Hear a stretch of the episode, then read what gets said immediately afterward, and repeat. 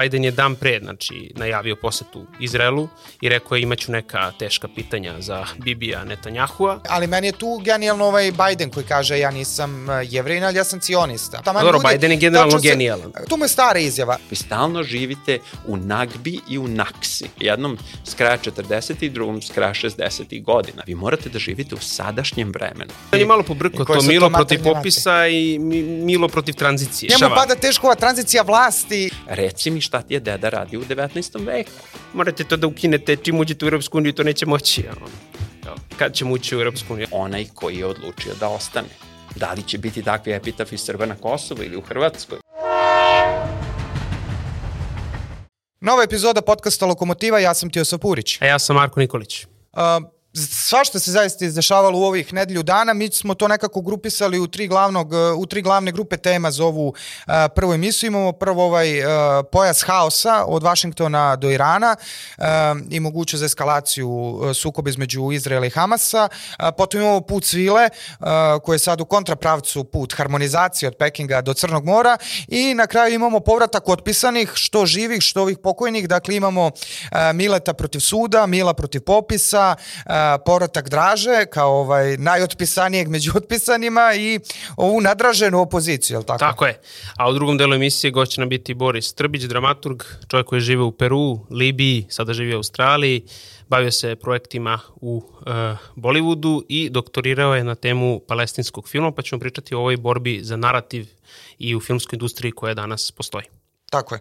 A hoćemo mi da krenemo od ove najaktuelnije teme i goruće, to je sukob, uh, sukob između Izraela i Hamasa. Zaista se svašta tu, zapravo između Izraela već i Palestine. Ajde da ne ab, aboliramo na neki način sve ovo što se dešava u pojasu Gaze. Dakle, ne stradaju samo pripadnici Hamasa i drugih palestinskih uh, frakcija otpora, nego stradaju, stradaju i civili. Zaista je strašno ovo što se desilo sa bolnicom, ovo granatiranje bolnice i meni je to nekako najkontroverznija tema, pa možda i odatle da da krenemo, naročito imajući u vidu da a, to, to rušenje bolnice sa preko hiljadu civilnih žrtava a, predstavlja ukoliko je, mislim, kogod je to učinio u pitanju ratni zločin. E sad, s jedne strane videli smo da je Biden prvo rekao to su učinili Izraelci, pa je onda a, rekao ne, to su palestinci učinili.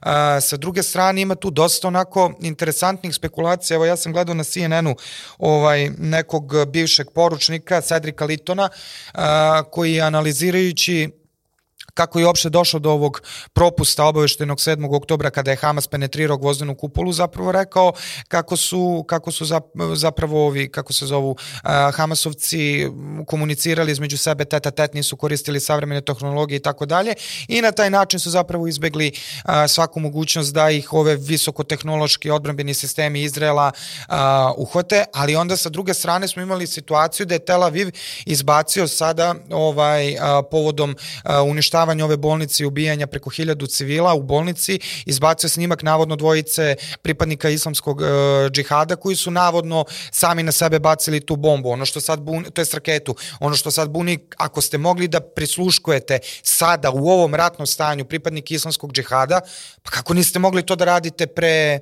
pre, pre 7. oktobra, pre dakle početka uh, čitavog ovog sukoba. Tako da tu su, mislim, pomešani, ne znam kakve tebi utisak, ali pomešani su nekako glasovi, jedni pričaju da mogu jedno, ne mogu da...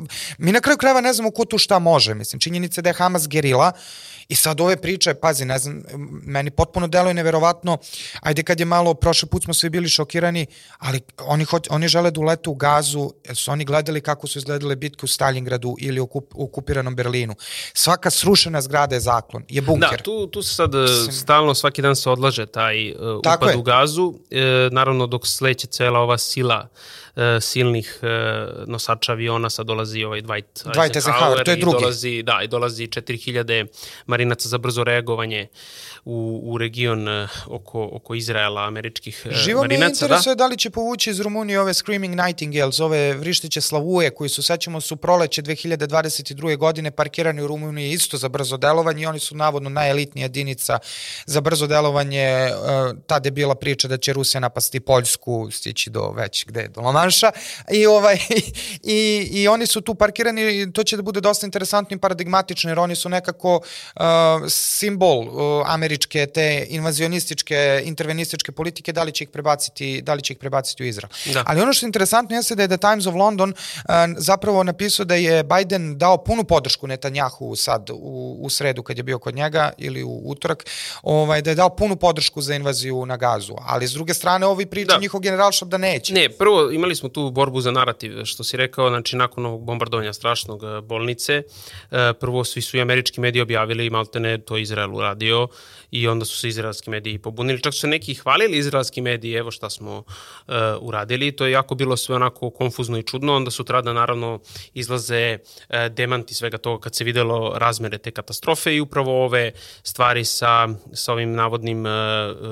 screeningom poziva i svega toga šta se tu zapravo uh, dešavalo. Sad naravno jedni drugima uh, prosto prebacuju jer nikom, nikom naravno ne, ne ide u prilog da se ta bolnica i da razruši jer prosto evo Biden je dan pre znači najavio posetu Izraelu i rekao je imaću neka teška pitanja za Bibija Netanjahua i onda dolazi sutradan kada je trebao zapravo da se sastane u Rodanu i sa predsednikom Palestine jordanskim predsednikom, egipatskim Tako predsednikom, je. međutim to se otkazuje i od toga uh, nema ništa na kraju samo uh, izrazio podršku i prema njegovim, jel tako, informacijama Bajdena, Izrael to sigurno uh, nije učinio. Iako sad smo dobili, uh, pročitalo sam neku informaciju da je sad Izrael rekao da uh, se, to jest upozorio da se evakuišu 24 bolnice u Palestini. Da. Sad, šta se iza toga krije, morat ćemo da saznamo, ali ono što se definitivno dešava jeste da, pošto traje trenutno i bombardovanje i Sirije i i Libana, e, ti koridori koji idu, a pošto je granica među Sirije i Iraka i dalje, jedan deo granice pod kontrolom Bašara al-Assada, očigledno ne odgovara taj moment povezanosti Irana, Iraka, zatim e, Sirije ka, ka, ka Libanu, e, ovim strukturama koje bi to htele da preseku i sad se vidi tačno da ti koridori kojima je sad i železnica se tu jedna planira, e, očigledno pokušava sve da se uradi da se to minira i uništi. Ono što je novo je što se planira ovaj pomoć ova od 100 milijardi dolara koja bi sad trebala da bude nekako, kako sam shvatio, zajednički uhvaćena i za Ukrajinu i za Izrael u toku 2024. godine. Vidimo da se američko javno mnjenje potpuno onako sjedinilo e, kada se gleda CNN, Fox News, bilo šta od toga, apsolutno se i neki ovi kandidati predsednički e, sad već takmiče ko će više da pomogne Izraelu, ko bi više dao para i tako dalje. Tako da ovo ide u sve jednom smeru dalje eskalacije, e, da kažemo da je predsednik e, Irana Raisi izjavio da je ovo kraj Izraela. Izraela i da je, sli, nije tako izjavu, ali Erdogan je dao izjavu da ukoliko se ovako nastavi, da oni ne mogu sigurno da planiraju da će ceo svet ostati nem pred ovim situacijama. Pa i nakon ovog bombardovanja ove Alahli Arab se zove bolnica, čini mi se da nismo ni to spomenuli, ovaj, jer su najavljeni druge, tako da će ih verovatno biti još. Znači ovo, nažalost, verovatno neće biti usamljen slučaj bombardovanja bolnice, ali uh, čini mi se da je, i to je politiko izbacio taj uh, tekst o Blinkenovoj propoloj diplomatiji koji je išao pre Bajdena u turneju po Bliskom istoku no. Da. i tu smo imali dve onako vrlo interesantne situacije. Jedna je da ga Bin Salman držao celu noć u salonu, malte ne pred kancelarijom, izvolite u salonu, ovaj, da, da ovaj, tu čeka... imamo tu dve hoklice, pa možete. Tako je, možete malo da prisednete, da popijete neki fini čajić za ove visoke temperature pa ne, već su dosadni, mislim. A, ovaj, da. a Sisi imao interesantan, ovaj, to je čak i uhvaćeno kamerom, Sisi objašnjavao Blinkenu, koji se sam deklariše kao jevrin, kako je u Egiptu, eto, on odrastao pored jevreja i kako nikad nije bilo problema u Egiptu između Arapa i jevreja, iako da se razumemo u vreme Nasera jeste bilo problema, ali takvi su bili, to je, to je bilo to vreme velikog sukoba te Ujedinje Arapske republike, Egipte i Sirije sa Izraelom i tako dalje, ali ovaj, ono što jeste negde e, činjenica da ovakve zaista ovakve scene e, odavno nismo dobijali maltene iz vremena američke invazije na Irak pa je pa je se i na to čekalo naravno islamske republike, ali ovaj uh, islamske ove države i njihovi zločine na civilima, ali ove scene koje sada dobijamo su zaista strašne. I ovo što si rekao, dosta je bitno da je uh, Reisi uh, najavio ovakav vid pretnje, ovaj, da, da je uputio ovakvu pretnju suštinski Izraelu. Meni je to interesantno zbog toga što je izvesni Hari Kazijanis, koji je think tank je čuveni američki, koji radi, piše za New York Post, Washington Times, uh, uh, da, ne, sad sam ih, uh, sad sam ih permutovao. Washington Post, New York Times. Times okay. Da, vidim da mi nešto nije. Wall Street Journal i tako dalje, uh, radi zonu potomak uh, think tank. Ovaj, dakle, čovjek je napisao sad, pre nego što je počeo zapravo ovaj sukob u septembru mesecu, jednu analizu toga šta bi se eventualno desilo ako bi Amerika zaratila sa Iranom i prema tim think tankistima koji rade pri Pentagonu, u svakom mogućem scenariju Amerika gubi na terenu rat od Irana. Amerika sebi u ovom trenutku ne može da dozvoli rat sa Iranom.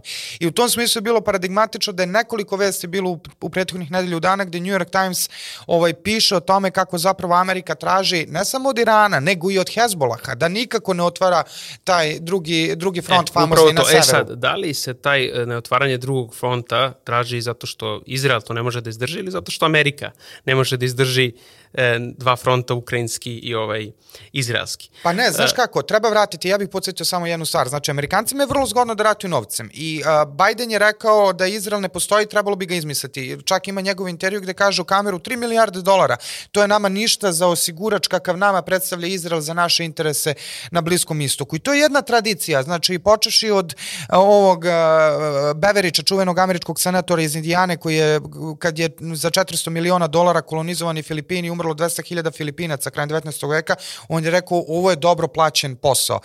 Završno, znači fast forward 100 godina, Lindsey Graham ovaj, koji kaže za istu kameru, dobar je ovo posao sve dok ubijamo Ruse. A mislim to i Madeleine Albright kaže, jel vredelo 500.000 poginule decu u Iraku? Vredelo. Vredelo je. Vredelo jer oni tu računaju, ovaj, njima oni se čuje dolarčić u glavi, tako je, i oni Naravno. to gledaju kao investicije. E sad ovdje više nisu samo investicije. Sad su se tu primakla dva nosača aviona, uh, došli su tu neki ono boots on the ground, tu su tu su američki Da i najava da ako Hezbollah uđe sa full kapacitetima da će tad ući i Amerika. Tako je. E sad, tad ulazi Iran. I to onda potpuno postaje jedan to diametralno I tu je sad opet da. pitanje ko tu može da podnese rat i ko može da podnese ovaj jer kad to sad na svim ovim na svim ovim kako se zovu Telegram kanalima na kojima se na kojima se prati na primer stanje Palestine i ovo i generalno u palestinskoj i muslimanskoj zajednici arapskoj važi ko je umro za Palestinu on je mučenik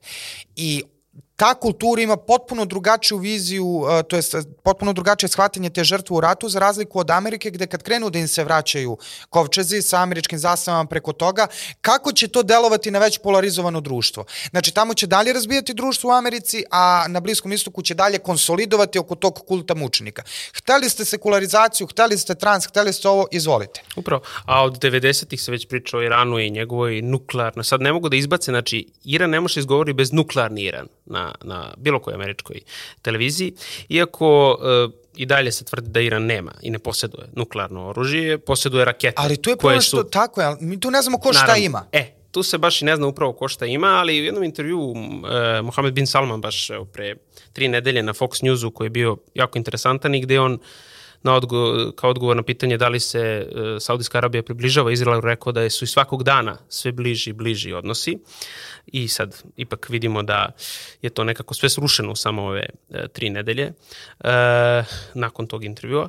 Sad vidimo koliko su bili bitni u američki Abraham Accord, takozvani Trumpov plan za za Bliski istok, odnosno pomirenje arapskih zemalja Izraela na Bliskom istoku, gde je Saudijska Arabija najavljena kao sledeća, a Bidenova administracija je samo preuzela dalje tu politiku, što sad vidimo da polako kreće taj krah upravo te američke spoljne politike na Bliskom istoku i samo se podsjetimo da e, u Beirutu zapaljen američki konzulat, ambasada, u Egiptu su krenuli na američku ambasadu, samo ćemo podsjetiti da je to zadnji put kad je to bilo, to je bilo u vreme revolucije u Iranu, tako da nisu ovo mali događaji, koliko god Da, nisu mali događaji i ovaj... Pod kontrolom. Ali... Evo meni, na primjer, da. interesantno, neka googlaju ljudi kakvi su protesti u Pakistanu. Pakistan je nuklearna, za razli... e, Pakistan jeste da ima. Sila, da. I sad mi kad vidimo, mislim, imajući u vidu tu nestabilnost i poziciju Imrana Kana, kome će verovatno suditi, koji je proruski i tako dalje, ali ovakvi događaji, to su oni čuveni istorijski katalizatori i katalizatori istorijskih procesa,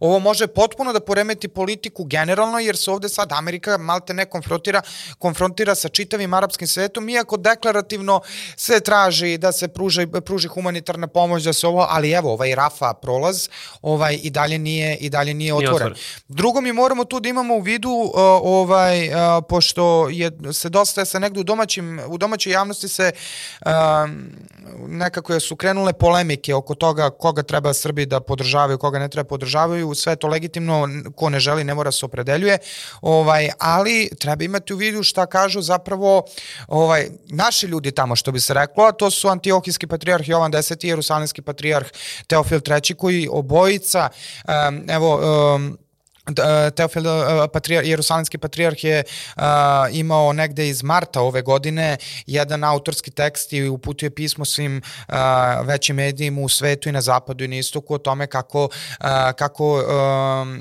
jerusalimski, uh, odnosno kako bih rekao ti jevrijski ekstremisti, jer mi stalno pričamo tamo o islamskim ekstremistima, kako jevrijski ekstremisti zlostavljaju konkretno na bogorodičinom grobu, kako su skrnavili taj grob i ubili, ubili neke hrišćane, uh, ne treba pričati o, anti, o antiohijskom patrijarhu Jovanu X koji je evo i sad pružio podršku Palestini i rekao kako svako ko misli da ponižava Arape, to jest svako ko misli da će izglednjivanjem palestinskog, jordanskog i libanskog naroda bilo šta postići, da, da, da, da, se, da, da, da grdno greši, da mora da prestane ponižavanje Arapa. A mi kad pričamo o Arapima nekako uvek mislimo o muslimanima, ali nema samo tu muslimana, tu ima i pravoslavaca, što više to su uh, najstarije patrijaršije pravoslavne sa najvećim autoritetom. Ovaj, uh, I na kraju krajeva čuveni govor u, u Vitlemu ovaj, pre dve godine sevastijskog arhijepiskopa Teodora Hane koji je rekao sad su svi palestinci, hrišćani i muslimani jedna porodica. Dakle, mi tamo imamo, e sad, naravno, e, dok su bili sekularni palestinci, e, bilo je mnogo pravoslavac u palestinskom pokretu otpora zajedno sa muslimanima, međutim, ja bih podsjetio da, evo, to je 2000 godine, 2009. godine pisao Wall Street Journal, Avner Cohen, bivši, e, bivši izraelski, bivši izraelski zvaničnik, obaveštajac, koji je rekao Hamas je, Hamas je izraelski izraelska tvorevina, to je znači tekst iz 2009. godine. To se sad malo sa Hamasom desilo ne u istoj meri, ali na sličan način kao sa Al-Qaidom i Amerikom, pa im se to malo vratilo kao bumerang. A naravno, to nisu kontrolisani ali, procesi do kraja. Tako je, i nikad ne i, može da se i, kontroliše kad se igraju sa fundamentalizmom i ekstremizmom, da se razumemo. Ali sa druge strane, upravo je taj izraelske, ta, ta, ta, ta, to izraelsko guranje ovih e, ekstremnih muslimana palestinaca dovelo do toga da mi zaboravimo da u palestinskom pokretu otpora postoje pravoslavci najstariji pravoslavci na svetu. Tako da ovaj to su sve složeni da. složeni procesi, ali čisto eto ovako da damo mali doprinos što se kaže kad se pituje ili ima tamo jer nekako se zaboravlja u svemu ume da postoji treća strana koja nema osim Asada, tamo nema kako bih rekao nikakav nika, ne postoji državni monopol fizičke prinude koji bi stao u zaštitu u zaštitu tih hrišćana, a i oni stradaju. Da. I ja bih samo podsjetio na Veslija Clarka i njegov onu čuvenu konferenciju kada je pričao 2004. godine u razgovoru sa Bushom koje će arapske zemlje napasti sve Amerika i kada je redom poređao. Onako, to su ljudi smejali. Idemo na Irak, idemo Afganistan, Libija, Sirija i then we finish off with Iran. Znači, to je čovjek rekao 2004. godine i to ljudi nisu verovali, ali nekako se stvarno poređalo da je to maltene stvarno tim redosledom išlo.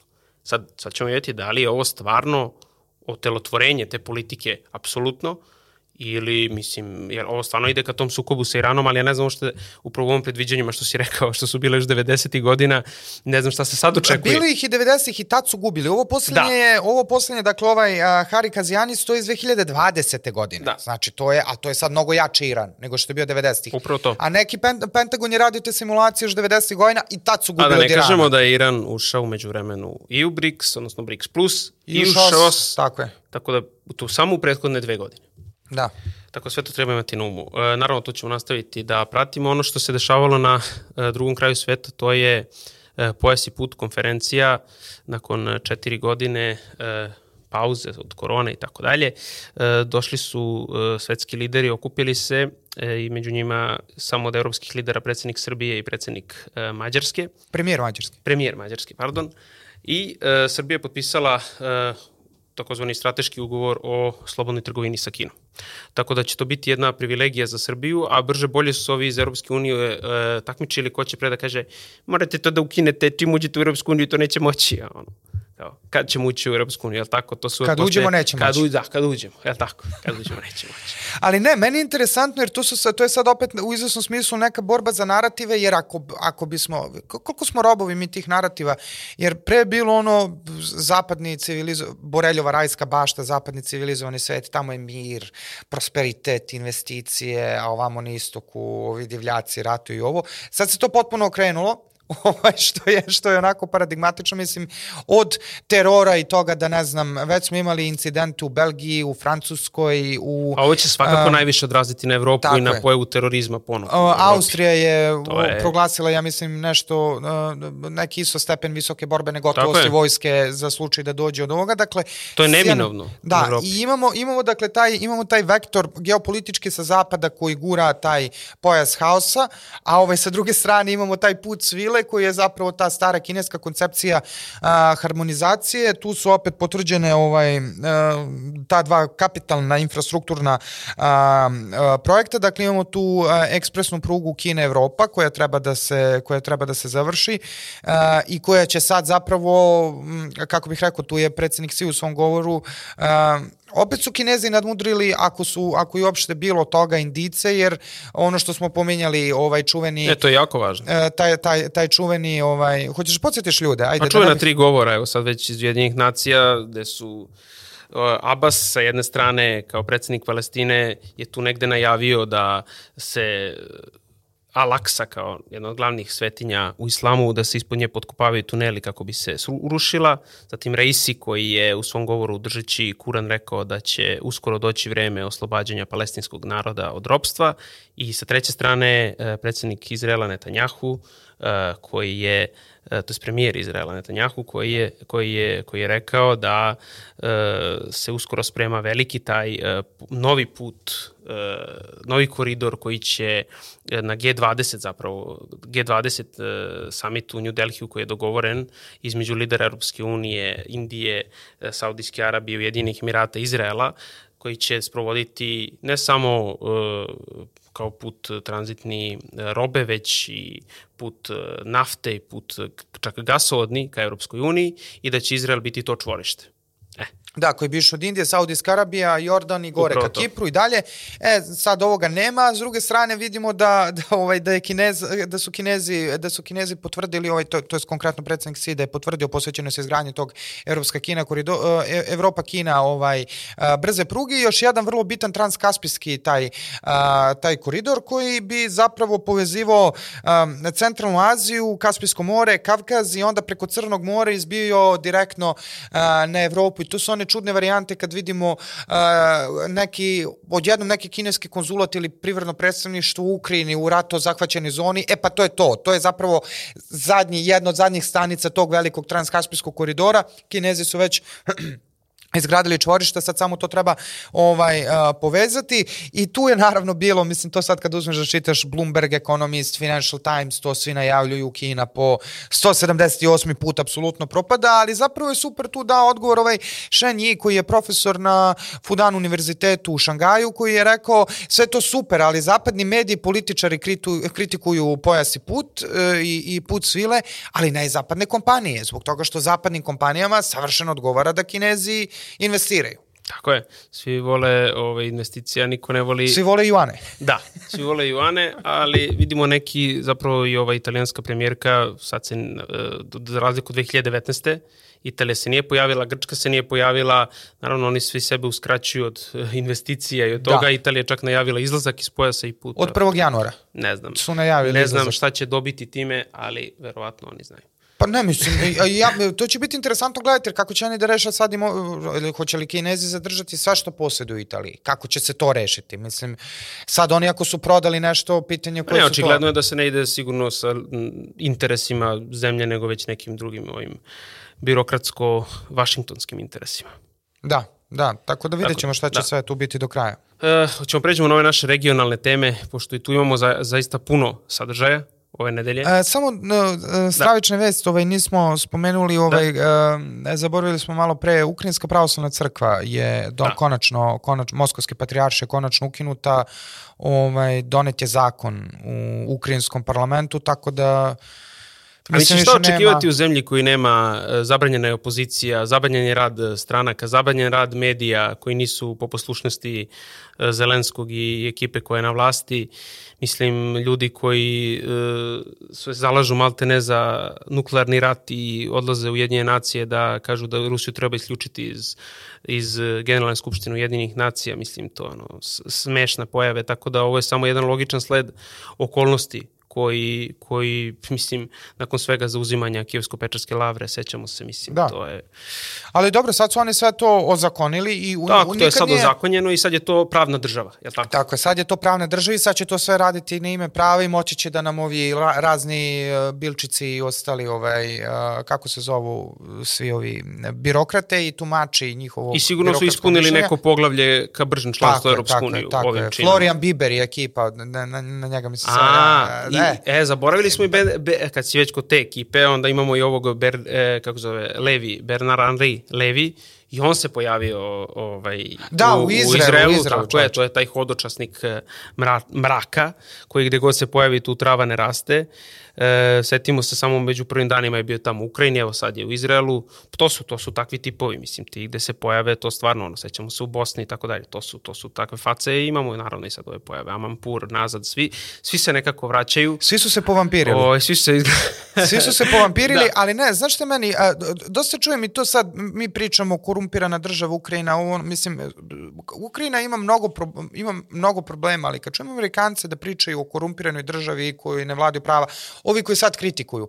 Pa mislim se, ovaj, kako ste vi, evo, i sad se, sad se malo ovo sa Izraelom, to sam razmišljao, ono što mene najviše plaše u suštini ove, ove rat Izraela i Palestine, jeste da će Amerikanci vratiti onu staru doktrinu Bushovog rata protiv terora. I sećamo se, onda su oni doneli onaj Patriot Act koji je zapravo anulirao prvi amandman o slobodi govora, ali ovaj, jer evo sad je donet, pokrenut je taj zakon koji će zapravo isto uh, ovaj šef komiteta za spoljne poslove američkog kongresa, nije toliko ni bitno, ali je napisao čovjek nacrt zakona koji će malte ne Bidenu dati diskrecijona olašćenja da kreću rat protiv koga hoće i kako hoće. I to je ono što sad, mislim, to, to, to se bukvalno pretvara u jednu carističku onako infrastrukturu i sad mi krivimo neko, mislim, ono, ne, ne konkretno mi, mi pričamo ovde što pričamo, ali Amerikanci kad čujemo ovaj, um, te njihove eksponente, naročito sa, de, sa desnice, koji pričaju o Ukrajincima i sad ono što je strašati, tačno više onaj rasistički refleks koji imaju i prema Srbima i prema Rusima i tako dalje, pa onda oni to kad objašnjavu kako je Ukrajina zostala država i tako dalje i, ovaj, i sad oni nekom nešto pričaju, a čoveče vi ste se pretvorili ono u satrapiju, uh,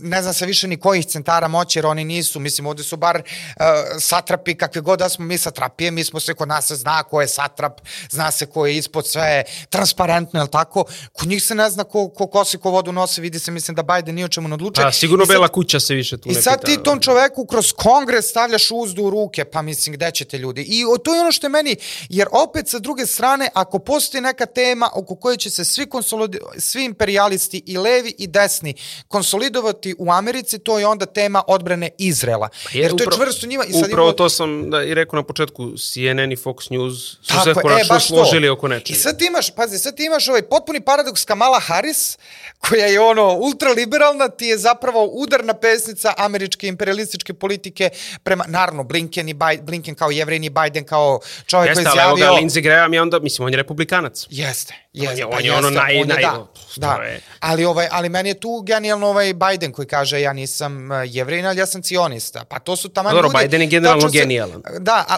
u tome je stara izjava. Jer vidi se, nisu poslali baš Kamalu Harris, to sam htio da kažem, u Izrael, ali mislim, to je ta njena, to je njena zapravo administracija. Tako da vidjet ćemo šta će se desiti, kažem, samo je opasno da ne uđemo opet u tu islamofobiju i tako dalje, da, da to sve pa, ne pojede... Pa, Evropi će vjerojatno ostati Evropa samo to, zato što... Uh, Bukvalno samo islamofobija i ništa da. više. da. Uh, da krenemo na ove naše onda regionalne teme kad smo ovako povratak već... otpisanih. Lepo, tako je, povratak, povratak otpisanih. Da. Ako, a kojih sad otpisanih? Imamo A, ih ima, više. Ima, ima više komada. Ima, ima, ima ovaj više komada. Imamo, javio se Milo Đukanović. Pazi, on je, uh. njega smo mi otpisali. Imamo sad... Jeste, sad imamo naše da- otpisane i njihove I njihove otpisane. Moramo da objasnimo ko je koga otpisao. Otpisan, tako da. da. A, ovaj, a svi su u igri. A svi su i dalje u igri, neverovatno. E, znači imamo uh, Mila protiv popisa. Ovaj, on je, Milo Đukanović se oglasio i rekao da kroz popis uh, srpska država hoće da dovrši svoj velikosrpski projekat uh, posrbljavanja Crne Gore i rekao kako u Crnoj Gori neće biti uopšte Crnogoreca. Ja ne znam šta taj čovek, on je prešao izgleda na neke još teže varijante opijata. Zar nije providio kako je Jako Milatović rekao ja sam etnički Crnogorac. Pa mislim i ovaj, kad je naš patrijarh ovaj otišao tamo i rekao mi znamo ko smo, mislim, treba pitati gospodina predsednika znali ko je. Mislim, koji su to maternji jezici. Pa ne, on je malo pobrkao to, Milo to protiv popisa i Milo protiv tranzicije. Sad ne znamo šta se A tu dešava. A njemu pada teško ova tranzicija vlasti, mirna pada mu zapravo, tranzicija, upravo, tako je. Njemu da. teško pada tranzicija vlasti i sad mora da se bori protiv popisa, jer je to poslednji izgleda stub DPS politike, koji će verovatno ove godine isto tiče. Meni je zanimljivo kako je to uvek ova utakmica Srbija protiv Crne Gore, futbal neki se dešava unutar svih ovih političkih e, dešavanja. U aprilu je bila utakmica pred ove predsedničke izbore da. uh, u Crnoj Gori i tad je bilo to, evo, utakmica visokog rizika, svi su očekivali nešto će desiti, ništa se nije desilo. Ovaj, igrali lepo, hvala pa Bogu, sad. pobedili i da. tako dalje. Ovaj, bolji pobedili i uh, pa da. I e, da, poseta upravo e, patrijarha Srpske pravoslavne crkve Porfirija i to je uznemirilo Mila Đukanovića pa je nazvao nekako, kako je rekao, e, razbojnicima koji ovde nešto pokušavaju da, da nametnu nekome identiteta, u stvari se samo radi o tome da eh, se konačno srpski narod ohrabri da može da izađe na taj popis i da, i da kaže zapravo koji šta je bez reperkusija i posledica na to da li će moći neko da bude otpušten ili će sutra raditi ili će ostati bez nekih nadoknada ili će možda mu biti nešto uskraćeno. Tako da apsolutno ih to sad naredna stvar koja ih jako plaši. Da, vidjet ćemo. Ovaj, za sada od nacionalnosti smo sigurno to koje su nacionalnosti žene Milojka Spajića, bivše.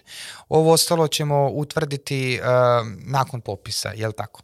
A ovaj, imali smo i uh, Mileta, ali Mileta Dodika ovaj, uh, protiv suda. E sad njega bi dotpišu, ali to malo teže ide. Ovaj, ovo je sad, baš se ponavlja ona epizoda uh, Jazavac pred sudom.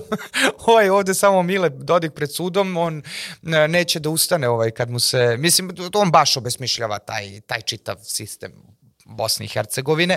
Ovaj, pa čitav jedan da, taj namesnički sistem koji je. funkcioniše uz pomoć tih stranaca, da, da samo kažemo da zašto su na sudu. Na sudu su e, dakle, predsednik Republike Srpske Milorad Dodik i VD direktor službenog glasnika Republike Srpske Miloš Lukić koji nam je bio u emisiji Veliki pozdrav za Miloša. E, zato što e, je donet zakon da se e, odluke neustavnog i e, samoproglašenog građanina Šmita koji se proglašava sebe za visokog predstavnika, da se njegove odluke ne sprovode u entitetu Republike Srpske i da se odluke Ustavnog suda Bosne i Hercegovine ne sprovode na entitetu Republike Srpske zbog stranaca i upliva stranih elemenata u taj sud kome je potpuno besmisleno preglasavanje srpskih članova e, suda i naravno da imamo upravo ove farsična dešavanja da prosto se taj sistem obesmišljava, mislim, na neki način kao što su se obesmišljavao i i u Hagu sistem ove međunarodne pravde, tako sad se obesmišljava i ovaj u Sarajevu. Mi smo zapravo neki, uh, Srbi su ovaj kontra jezuiti čoveče.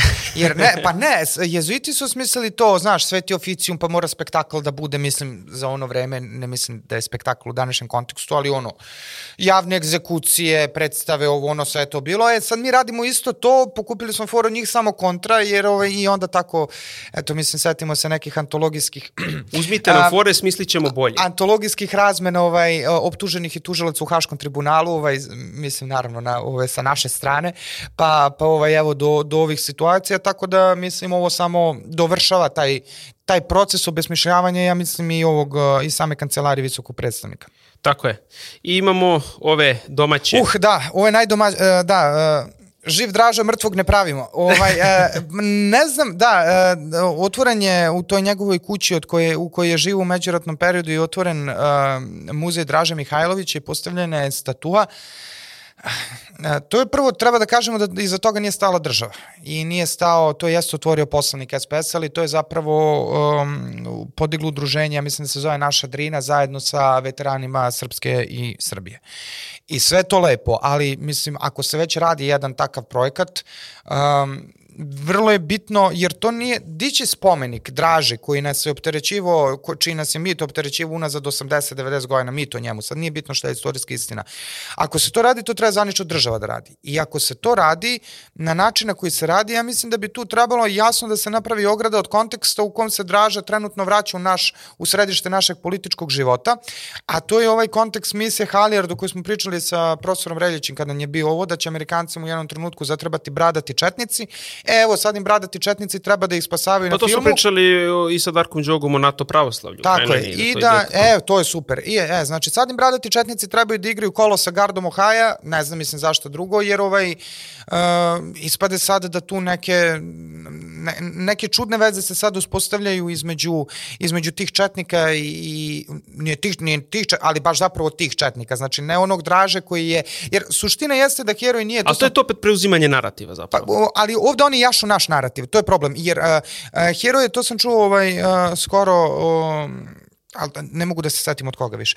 Znači, heroj nije uh, heroj zbog onoga što je uradio, nego zbog onoga što pobuđuju drugim ljudima ako je Draža, bez obzira na to što je istorijski istina na njemu, pobuđivo jedan a, otpor prema a, e, imperialističkim snagama bilo čijim, pa i NATO pakta, onda je taj mit svakako plodonosan i dobar i treba da ga baštinim i ovo. Ali kad oni krenu da whitewashuju naše miteve, da oni prave nekog američkog Dražu koji je super sa američkim pilotima 2023. godine, pa izvinite gospodo, to onda više nije taj Draži. Onda se postavlja pitanje kome vi to dižete nešto to malo u ovom sumnjivo. trenutku. Nešto je to, nešto, nešto je to malo, to malo da. nešto je to malo sumnjivo, ovaj, tako da e, isto važi to, dosta se gure ta priča o Pupinu. Pa je sad Pupin, ne, Pupin više nije pravoslavac e, koji je kao mali držao na zidu sliku Garibaldija koji se tuko protiv imperialista, nego je on pravio nasu. Pa misliš šta ako je pravio nasu Dobro, danas to ovim sad reklamama Pupin, za, za generalno, mislim, generalno Pupin i Amerikanci tamo vole Pupina kad, kad, kad se zameniku podsekretara padne na pamet da se bavi Srbijom, on nekako izvuče Dobro, Pupina. Dobro, samo fale još da Dražu Mihajlovića stave u i vi ste svet reklamu samo. Ali to bi bilo, mislim, da, to bi bilo genijalno, ali ja Možda mislim bi to bilo suviše otvoreno. Mislim da bi bilo suviše otvoreno, jer ja mislim da ipak dra, za Draže još uvijek nisu sigurni kakvi bi tu bili efekti.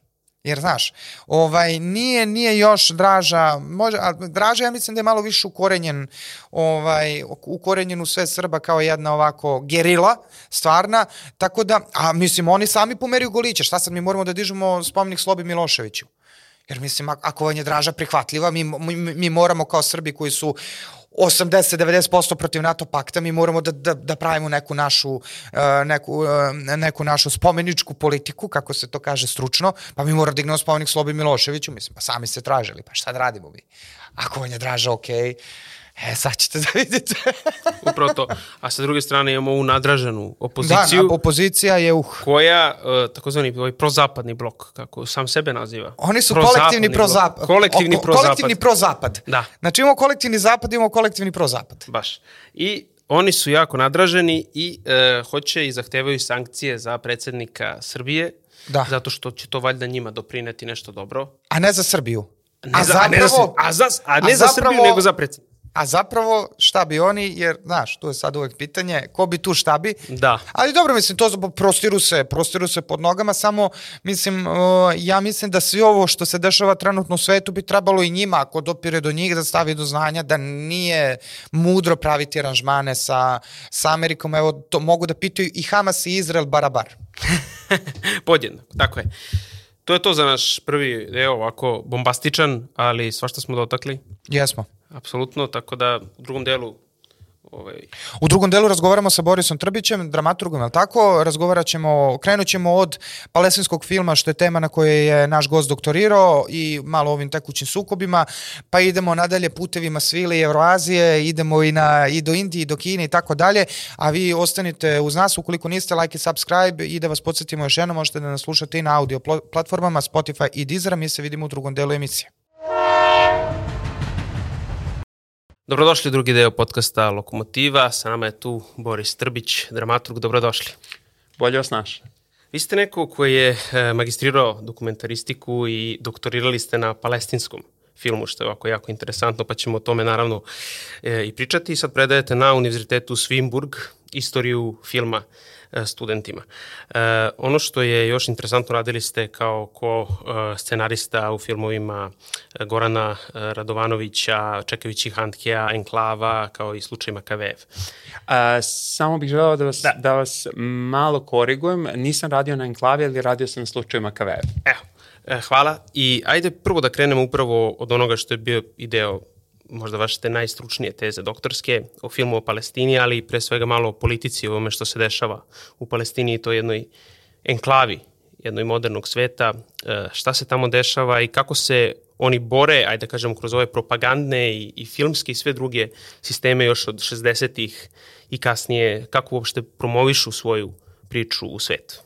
Pa ovako, mislim, mi znamo da je sa formiranjem države Izraela u stvari došlo do situacije u kojoj e, se veliki broj palestinaca koji su se nalazili na teritoriji koja e, je danas država Izrael preselilo e, u različite druge delove sveta. Neki su bili interno raseljena lica, prešli su znači e, na drugu obalu Jordana, odnosno Jordan ima u ovom trenutku izvestan prilično visok procenat izbeglica, neki su otešli u Gazu, recimo ljudi iz Haife su otešli u, u, u uh, Gazu, o tome postoji film koji se zove Haifa Rašida Mašaravija i uh, posle izvesnog vremena nacionalne ili nacionalističke organizacije palestinaca su shvatile da uh, kultura uh, koja praktično nema nikakvog unutrašnjeg fundiranja, mora da na određen način predstavlja i opšte potrebe palestinske zajednice koja je ostala u Izraelu, koja se nalazi na tim e, fragmentisanim teritorijama, znači zapadne obale i Gaze, koja se nalazi u arapskim državama, u zapadnom svetu i u istočnom svetu. To je nevrovatno težak posao, zaista. I u početku je kompletna kontrola te kulturne politike u stvari bila u rukama nacionalnih zajednica. Znači, To je bilo veoma teško. E, posle toga, krajem 60. godina, u vremenu koje je danas veoma teško definisati na zapadu, neki tvrde da je to vreme u kome su se zapadne mase i kultura podigli protiv totalitarizma, rasizma, seksizma i rata u Vjetnamu. Drugi tvrde, međutim, da je to uvod jedne nove kulture koju danas vidimo, progresivizma. Ja nemam odgovor na to pitanje, pošto se time teorijskim ne bavim, ali u tom trenutku, hajde da ga nazovemo 68-aškom, mada je priča daleko kompleksnija, palestinci su počeli da prave filmove koji su u početku bili kratki dokumentarni filmovi, a zatim i uh, um, zatim i filmovi koji su se 80. godina razvili u feature filmove. Šta to u stvari znači? Pa kratki dokumentarni filmovi su imali samo jedan zadatak, da galvanizuju kako palestinske, tako i panarapske mase. I odnosno da, da pričaju priču o e, tragediji palestinskog naroda, znači u izbegličkim lo, logorima, koja je u tom trenutku mogla biti prikazivana na zapadu u relativno limitiranom broju institucija, odnosno tadašnjih platformi. Nemojte da pomislimo nikada da je cancelovanje neki savremeni fenomen. On to naravno nije. Mislim, mi ovde pričamo na srpskom jeziku, tako da, da, da nema apsolutno nikakvih, nikakvih, e, e, kako bih rekao, sumnji o tome, ali mi moramo da razumemo gde su se palestinski filmovi prikazivali, znači na specializovanim festivalima, u kinoklubovima na zapadu ili, um, ili na mestima gde su se u nekim organizacijama solidarnosti u stvari ljudi skupljali i razgovarali o tome na koji način da pomognu palestinskoj uh, borbi da se njihov narativ dekolonizuje. Znate, ja opet sad govorim izraz dekolonizuje, a na srpskom jeziku to je veoma zanimljivo ovaj, na, na koji način stalno ta cross-kulturna polinacija može da funkcioniše. Uh, 1980. godine sa uh, pojavljivanjem uh, uh, uh, Mišela Kleifija uh, došlo je do praktično prvog prvog feature filma koji se zove Fertile Memory, plodno sećanje, priča o dve žene Ona je veoma zanimljiva zbog toga što uh, je jedna od tih žena njegova tetka koja živi znači, na teritorijama pod izraelskom kontrolom, a uh, druga je univerzitetski profesor koji je donekle feminista, znači žena koja je radila u Libiji, žena koja je ekonomski nezavisna i tako dalje. Znači to je bio prvi film i muškarci su uglavnom obeležili njih četvorica, a to taj prvi period stvaranja znači, palestinskog filma u većim formama, da kažem. To su bili Michel Kleifi, prvi režiser iz pojasa Gaze, Rashid Mašaravi, Hanu Abu Asad, koji je pisao Raj Sada o bombašima samoubicama i Elija Sulejman. To su četiri njihova ključna filmmakera. Danas, međutim, palestinci imaju verovatno najveći broj žena filmmakera u arapskom svetu, a veoma prominentan broj i e, kada se porede sa drugim nacionalnim kinematografijama, Anne Marie Jasir je veoma poznata, um, uh, uh, Aza Hassan je takođe pop, popularna, Hind Shufani, čerka palestinskog revolucionara koji je umro u Siriji, u izbeglištvu tokom ovog uh, građanskog rata u Siriji, Džumana Mana koja je eksperimentalna umetnica. Znači, veliki broj žena, veliki broj žena, uh, Nadžva Nadžar, koja je takođe žena koja prikazuje na Sundance-u, mislim, znači one nisu, dakle, e, samo vezane za arapske platforme i festivale i to je otprilike neki trajektorijum koji je postojao. Sada, da li je on postojao paralelno sa, recimo, nekim nastojanjima e, i stvarima koje su se stvorile, recimo, u palestinskoj književnosti tog vremena, ja nisam stručnjak za to, ali uh, palestinska kultura je prosto shvatila da mora da krene iz uh, e, 20 godina prilično učaurenog prikazivanja koje je bilo crno-belo u smislu uh, pozitivni likovi su isključivo palestinski, odnosno arapski, a s druge strane negativni uh, likovi su jevrejski, to naravno, odnosno izraelski. Uh, to se prevazišlo 80. godina i počelo je da se razmišlja o partikularizmima i o subjektivnim pozicijama, ali e, to ne znači to ne znači da je subjektivizacija a, a, a, palestinske kulturne produkcije značila da se potrebe zajednice stavljaju u drugi plan. To je nemoguće zato što je odnos prema kolonizaciji jednog društva takav da on uvek pada u prvi plan. Vi kad prikazujete gazu, vi govorite o kontroli uh, um, kretanja. Vi kad prikazujete zapadnu obalu, vi govorite o određenoj uh, dozi političke samostalnosti i strahovitoj korupciji koja postoji. Vi kada govorite o drugim arapskim režimima, vi možete da govorite o načelnoj podršci koja stiže iz Saudijske Arabije ili nekih ili uh, zemalja zaliva. Međutim, mi vrlo dobro znamo šta to znači. Prosto to su države iz kojih dolazi isključivo načelna podrška, međutim ta podrška u mnogo čemu izostaje. Um, vi kada govorite o podršci nekih drugih arapskih kultura, ja bih samo želeo da kažem da je najveći broj tih uh, filmova koji su govorili o palestinskom pitanju uh, stizao iz uh, Libana, što je, mislim, razumljivo obzirom na to da je i posle intervencije 1982. godine došlo do velikog, velikog influksa izbeglica i, i u situaciji u kojoj se palestinska oslobodilačka organizacija preselila iz Bejruta u Tunis. I iz Sirije. Veoma malo se govori o tome, ali Mohamed Malas je svojim delom Kinetra 1974. govorio o jednom gradu na Golanskoj visoravni i o tome na koji način um, kolektivna arapska imaginacija postaje i biva probuđena kada se govori o palestinskom narativu. Eto, to je jedan strahovit dug odgovor na ovo vaše prvo pitanje, ali mislim da smo uspeli da, da organizujemo neku mapu toga na koji način je funkcionisala njihova kolonizovana kultura i na koji način su oni putovali od situacije gde je sve bilo monolitno do situacije gde oni danas, kao što smo spomenuli u razgovoru pre ove emisije, ovaj, pokušavaju da traže e, strane izvore e, novca za svoje projekte, što je veoma teško, jer je potrebno praviti određene političke estetske politički kompromis. Tako je, da, to, to, to ćemo pričati kako se dolazi do tih stranih e, para, da kažem, upravo za produkcije takvih filmova, ali ono što me sad interesuje, spomenuli ste e, cancelovanje, da to nije naravno nov fenomen i to borba narativa koju i danas uveliko vidimo, samo što se ona vodi na društvenim mrežama i sad imamo ove efekt čekere kada je malo smešno ovako ispred tvita Blinkena ili Bidena onako izađe pa nije to baš tako, ali ko pobeđuje u tom narativu, ako možemo danas uopšte da kažemo ko pobeđuje, kako se danas bori Palestina, odnosno Izraela za svoj narativ?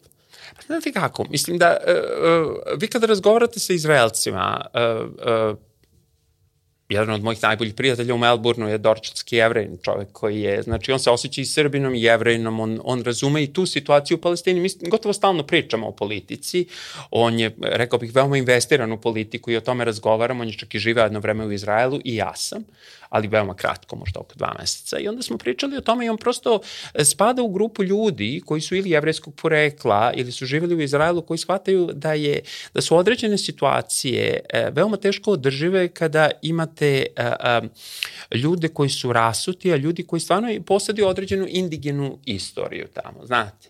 Tako da njihov narativ zaista nije monolitan na onaj način na koji se prikazuje u antiizraelskim krugovima. Ja to moram da kažem, to je prosto istina. Palestinski narativ takođe nije monolitan uopšte nije monolitan. Vi imate, uh, mislim da uh, kod palestinaca naravno nemate priču o tome, hej, mi ugnjetavamo neke druge ljude. Ne, oni jesu kolonizovani i to je prosto, to su uh, činjenice na terenu. Međutim, kod palestinaca imate jednu drugu priču. Vi kod palestinaca imate veliku raslojenost i fragmentisanost uh, uglova i, i perspektive iz kojih narativi dolaze koji podrazumevaju. Znači, jedno društvo koje prvo ima više religija, ono je nalik na Liban, prvo nije samo muslimansko društvo, odnosno sunetsko društvo. Drugo, društvo koje je raslojeno na neki koji su odlučili da ostanu, to je rekao Emel Habibi, veliki palestinski književnik, to je, njemu, to je epitaf na njegovom grobu, onaj koji je odlučio da ostane.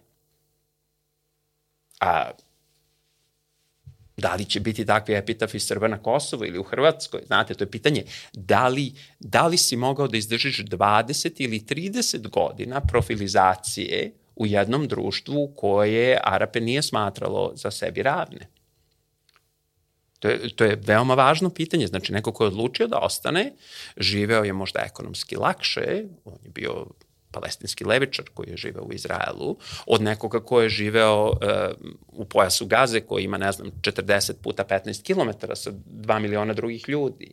Drugo, da li su ljudi religiozni, da li su agnostici, uh, da li pripadaju muslimanskim organizacijama koje se ovih dana, a i u poslednjih 20 godina veoma često fokusiraju isključivo, kad se o njima govori, u zapadnom narativu, govori se isključivo o tome da je jedna organizacija uh, ima svoje oružano krilo, imala ga Irska republikanska armija, mislim, to je tačno, a opet, e, znate, ja u Melbourneu znam čoveka čiji je uh, uh, uh, otac pokojni bio blagajnik, mislim, ne baš za Irsku republikansku armiju, ali za irske uh, socijalne organizacije. Ta, tako postoje i, islamske fundamentalističke organizacije koje skupljaju novac, uh, finansiraju bolnice, škole i tako dalje. Znači, postoji ta priča. Postoji treća priča, mislim, koja meni nikada nije bila jasna, obzirom da je moj otac radio u Libiji, znam nekoliko sirijaca koji su izuzetno dobro obrazovani, lekari su u Melbourneu, a to je zbog čega za zapad predstavlja toliko veliki problem ako u arapskom svetu postoji neki socijalistički režim bu, mislim, pa to nije nikakva ala, mislim, postoje socijalistički režimi i u drugim kulturama. E, ti e, režimi jednostavno gotovo da nikada nemaju prijatelje e, na zapadu, a to je, to je veoma indikativno, mislim, zato što e, e, oni predstavljaju takođe neke legitimne težnje uh, arapskog naroda da se na određen način klasna pitanja rešavaju i u njihovim društvima. Da, samo što je CIA tada verovatno procenila da, je, da im više odgovaraju ovi drugi od tih socijalističkih režima, jer su se plašili. E, e, to je, to je, to je verovatno nešto što je, što je kako bih rekao, postojalo dugi niz godina, znate, da je, da je, da je ta vrsta razmišljanja o, o ne znam, Iranu u vreme Mosadeka ili o Siriji, u vremenu kada je ona bila jedna multikulturalna zemlja, mislim, Hind Šufani piše o tome, ona je odlazila iz Dubaja, gde je živela palestinska režisarka kod svog oca, koji je napustio, mislim, Stanford univerzitet, gde je imao i, i, ovaj, i stipendiju, a zatim postao univerzitetski pre, predavač i rekao, ja idem da radim sa Jaserom Arafatom. Kad je stigao na zapadnu obalu, onda je shvatio do koje mere su palestinci raslojeni, izbušeni stranim interesima i do koje mere vlada korupcija kod njih i preselio se u Siriju, gde je umro. Ali je to veoma interesantno, zato što on govori o istoriji nekih socijalnih pokreta koji su zanimljivi. Znate, e, oni su i kod nas zanimljivi. Mi govorimo o ovim austromarksistima, titoistima, jugoslovenskoj gerijatriji koja ovde postoji i tako dalje, koja još uvek opasno idealizuje vreme bezbednog spavanja na klupi i tako dalje. Međutim, ista, ista ta ekipa ima potpuno legitimnu priču kada se govori o tome na koji način, e, na koji način mi govorimo o socijalnom raslojavanju u liberalizmu. To je strašno važno, mislim, prosto hajde da pričamo malo i o socijalnoj jednakosti. E pa kod njih je isto tako. Neko ko je došao rekao je, slušaj, e, postoje delovi lokalne birokratije koji odgovara status quo i situacije okupacije koji su potkupljivi, koji postoji užasna korupcija, postoji užasna neefikasnost domaće birokratije koja se zove, ne znam, palestinski, palestinsko, palestinski autoritet na zapadnoj obali. Ali on nešto prihvaćeniji od onoga što se dogodilo u Gazi 2006. godine, kada je Hamas došao na vlast, sada pogotovo, ali o, i od onog vremena se tačno znalo da ovi e, ljudi koji vladaju Gazom nemaju određene privilegije, dok ovi ljudi koji e, e, vladaju zapadnom obalom imaju određene privilegije, mogućnost da komuniciraju s drugim arapskim režimima, mogućnost da pričaju sa Evropskom unijom, da dobijaju određene fondove i tako dalje. Na koji način to funkcioniše u smislu narativa možete da zamislite. E, to je daleko raslojan, raslojenije nego što je ovde. E, u komšiluku imate državu sastavljenu od izbeglica. E, moj prijatelj koji radi za Jordan Times, Stefan Branisavljević, je sigurno daleko kompetentniji da o tome govori, ali on živi u Amanu koji je prepun izbeglica i koji ne želi više da prima izbeglice, kao što ni Egipat ne želi u ovom trenutku dok ovo govorimo. Znači, to su prosto pitanja a, a, a, razmišljanja o tome čiji narativ neko reprezentuje I ono što je mnogo važnije od zapadnih priča o inkluzivnosti, empatiji i tako, dalje, tako dalje je ovde ko je iz njega isključen iz političkih razloga. A to je strahovito kompleksno pitanje na klasnom teritorijalnom i etničkom principu. Eto, to je A e, spomenuli ste da je to zapravo jedno, ajde da kažemo tako popularno rečeno, multireligijsko društvo, više religijsko društvo. Ili imaju, naročito imajući vidu, evo izjave sad, konkretno vezano za ovu poslednju intervenciju, da li su izjave Antiohijski patrijarh Jovan X Jerusalimski patrijarh Teofil III, uh, ima ona čuvena arhijepiskopa Sevastije Teodorane izjava, kaže, svi palestinci, hrišćani muslimani su braće od pre dve godine u Vitlemu, koja je baš onako odjeknula jako. Uh, je li imaju hrišćani hrišćani e, palestinski, naročito eto, tu je veliki broj pravoslavaca ovaj, i generalno hrišćana koji zapravo nemaju glas uopšte u tom velikom sukobu um, um, muslimani i jevreje, ali imaju oni glas unutar palestinske kulture i konkretno u okviru palestinske kinematografije? Oni sigurno imaju kao što imaju u okviru libanske kulture. Mislim, prva velika libanska romantična komedija Karamel, mislim da je mislim da su u pitanju milioni dolara, da li je šest ili devet, ja sad ne, ne volim da se frljam sa parama kad je film u pitanju, zato što je film novac. Ove, ovaj, ali to je prva velika romantična komedija koja je usput, i to je vrlo važno takođe, uvela LG, LGBTIQ teme u arapskom svetu i arapskom filmu, uspela je recimo da inkorporiše kako muslimanske, tako i, uh, tako i katoličke, maronitske karaktere. Kod palestinaca je to nešto drugo, znate. Kod palestinaca stvarno ne možete govoriti o Beirutu kao nekom mestu koji izgleda kao Pariz bliskog istoka. Meni je tih različitih Pariza. inkarnacija Pariza stvarno dosta. Bio sam u Budimpešti pre dve nedelje, to je sad Pariz.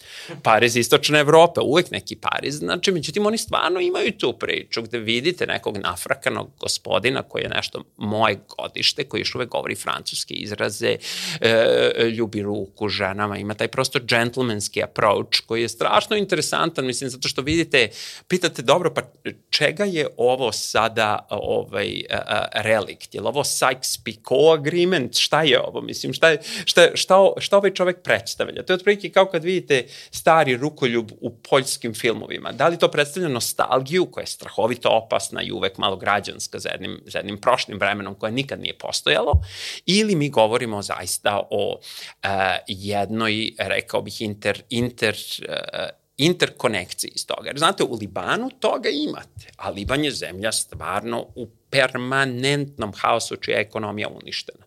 Moj brice, mislim, ne izgleda baš da idem mnogo kod, kod Berberina, ali idem ponekad sa decom. On je, on je Libanac i priča mi, otac mu je bio u armiji u Libanu. On mi priča na koji način je tamo devastirana ekonomija, kultura i tako dalje. On je Maronic, supruga mu katolkinja, pravoslavci rade za njega, sa, š, sa, sa šitima i sunitima je prijatelj. On kaže, Liban je jedan. Činjenica da smo imali masu građanskih ratova ne znači ništa. Znate, e, Liban je drugačiji od Bosne. U Bosni je pitanje identiteta ključno u Libanu pitanje identiteta postoji na političkom planu. Zna se ko je premijer, ko je predsednik parlamenta, ko, koje, koje grupe stanovništva, zahvaljujući de, demografskom rastu, pre svega šiti, imaju sve veću reprezentaciju, ali stvari se ne menjaju u ustavu. I s druge strane, zna se takođe i ko je imao više blagonaklone odnose prema izraelskoj intervenciji 1982. Zna se ko je podržavao palestince, takođe se zna i ko je učestvovao u zločinima u Sabri i Šatili, mislim, koji, koji su veoma, veoma ozbiljna uh, trauma i uh, takođe se i govori o tome na koji način Liban nastavlja da živi kao i Jordan, uprko situaciji gde postoji stalna pretnja influksom novih talasa izbeglica koje, koje tu dolaze. Tako da ta multikulturalna situacija, niko vam neće reći, hej, najveći broj naših izbeglica su muslimani. Ja to nikad nisam čuo, sedam godina sam se bavio uh, palestinskim filmom. Ne znam da je to ikada izrečeno u Libanu, ne znam da tako nešto postoji uopšte. U Srbiji, kada je došlo do inf velikog influksa izbeglica posle, posle traumatičnih događaja, kako u Hrvatskoj, kako u Bosni, tako i na Kosovu, je taj narativ postojao, međutim taj narativ nije došao inherentno iznutra, taj narativ je prosto produkcija nekih, nekih novih i rekao bih opasnih i rasističkih ovaj, a, a, formula o identitetu brđana i ravničara i tako dalje. To je, to je strahovito opasno. Ja nemam ni jednog člana porodice koji ne dolazi iz Banata.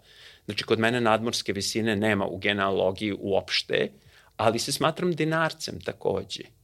I to je vrlo, vrlo važna stvar kod nas. Mislim, kod nas prosto ljudi ne razumeju da dve do tri generacije unazad smo svi dinarci, zaista. Problem je u tome što smo 90-ih i ranih 2000-ih slušali o tome da postoje nekakvi mirni ravničari koji vole, ne znam, bezbednu klupu u parku i deo su mitela evropske kulture, samo što to kao niko nije shvatio u Napoleonovim ratovima gde su moji učestvovali kad su bili zarobljenici u Prvom svetskom ratu ove, i tako dalje. E, to im baš niko nije naočito objašnjavao. O, a s druge strane postoje neki brđani koji su po defaultu, ne znam, divlji ili ovakvi ili onakvi.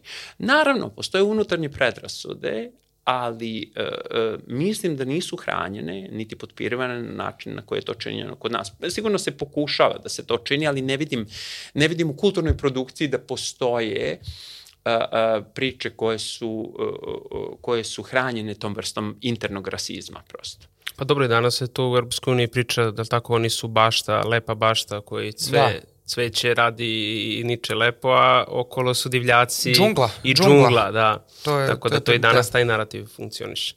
A koliko vam se čini, sad spomenuli ste Mitle, Mitle Europu, ovaj, koliko vam se čini da E, da smo mi, da su Balkan i Levant deo, deo iste, istog civilizacijskog okvira naspram te mitle Europe da li je danas uopšte smisleno to gde počinje zapravo istok? Jer eto, bavili ste se palestinskim filmom, iz, koliko smo mi, koliko smo mi slični? Da li ima, ima ovaj nekog realnog uporišta ta priča da smo mi, ajde da kažemo, predgrađe, e, predgrađe Evroazije?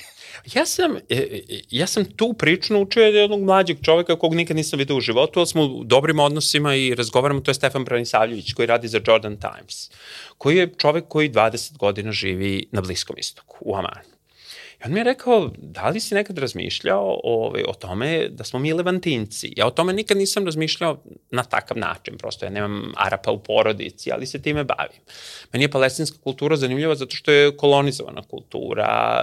Srpski film me i, i kulturna produkcija su me daleko manje zanimali i danas bi me zanimali manje da se ne nalaze pod strahovitom spoljašnjom presijom.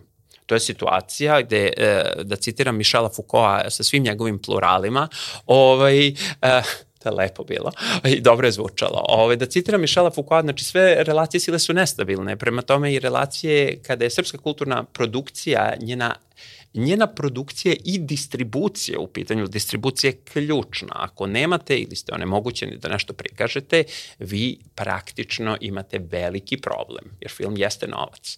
E, znači, e, e, kada su one u pitanju, mi imamo strahovite spoljašnje pritiske koji su sasvim jasni. Ali imamo isto tako, imamo isto tako i razumevanje da su relacije sile nestabilne i to je strahovito važno. I u tom smislu mi vidimo određena pomeranja koja nisu na gore, naprotiv, ona su pozitivna. Mi smo o tome pričali pre, pre početka emisije, one možda nisu spektakularna i možda ne možemo odmah da i vidimo, ali mi sigurno vidimo da postoji jedno pomeranje diskursa koje je veoma zanimljivo. Da li smo mi levantinci? Jesmo, uh, naročito kada se govori o agresima robovlasništva, jer robove nismo imali Oni su postojali u jednom, u starom veku, ali su postojali po, po defaultu u robovlasničkim društvima, ali kao deo savremenog kapitalističkog ustrojstva ono zahteva jednu posebnu patologiju i ona je rezervisana za države koje su e, postale demokratske u 19. veku u jednom neponovljivom trenutku kolonijalne pljačke, modernizacije, tehnologizacije, industrializacije, koji je danas nemoguće podražavati. To je kao da kažete da li će Srbija ili Filipini stići Holandiju po, po ekonomskom razvoju. Možda jedno, ali nemoguće imitirati tako nešto i nemoguće razumeti kakve su privilegije Francuzi imali kako na severu Afrike, gde ih više nemaju recimo u Alžiru, ili u pojasu Sahela, gde ih imaju ili nemaju ili gube. Sve manje imaju. Da, ali, ali je takva situacija prosto da ako vam neko kaže mi, ja želim da sam kao u Francuskoj, ja sam slušao te gluposti 90. godina mnogo, želim da mi je život dosadan, neko kaže pa prvo nalaziš se, mislim, na, na poziciji gde su tektonski poremeće i po defaultu nešto što odgovara ključnim nosiocima sile u geopolitičkim prilikama, a druga stvar, mislim, reci mi šta ti je deda radi u 19. veku pa moj deda je, pa čekaj, je li tvoj deda išao sa East India Company ili išao na javu sa holandskim trupama ili sa francuzima u Alžir? Nije. Pa onda ne možeš da tražiš da živiš kao francuz u ovom trenutku. Možeš individualno da si web dizajner ili da radiš u IT sektoru, da si inženjer ili da si vlasnik medijske kompanije, pa da imaš ili da praviš hranu i da zarađuješ novac, ali ne možeš da tražiš ustrojstvo društva koje je neponovljivo.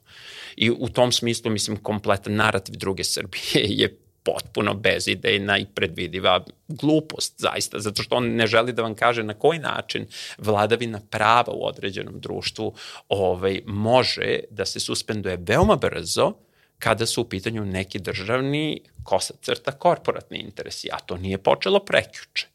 To nije počelo pre četiri godine, to je počelo mnogo ranije.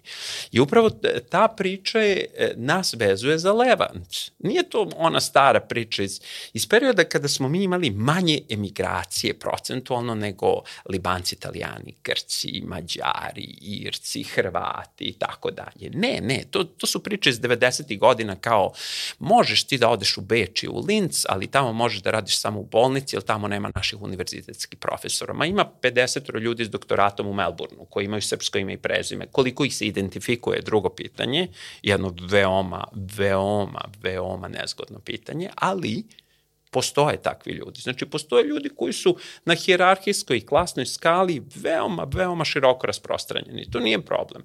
Postoji palestinci Ne znam da li ste pratili to u poslednjih 15 do 20 godina, govorilo se o rasnom pitanju u Americi i zbog čega afroamerikanci imaju veoma lošu poziciju, kako na univerzitetima, tako i u društvu, tako i u principu u američkom društvu. Neko kaže, pa pogledajte kakva je statistika nigerijaca, južnokoreanaca ili palestinaca koji žive u Americi, što se tiče univerzitetskog obrazovanja, drugih generacija emigranata i tako dalje. Odlična, odlična. Zaista rezultati su sjajni. Neko odmah počne da govori o privilegovanoj diplomatskoj deci i tako, moguće je.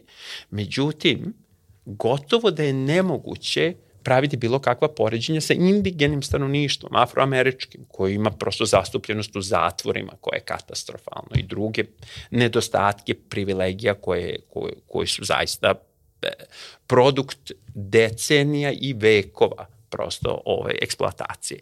Znači, kada govorimo o tome kome smo bliži, ja bih rekao da smo bliži toj kulturi Levanta. Ja bih rekao da e, nemamo robovlasnički bagaž, nemamo kolonijalni bagaž, imamo frustracije iz m, prošlosti, potrebni su nam psihoanalitičari, možda ne baš freudovski, ali ne, neki drugi koji bi traume iz prošlosti situirali u sadašnji moment i onda iz te situacije projektovali kakvu takvu održivu budućnost.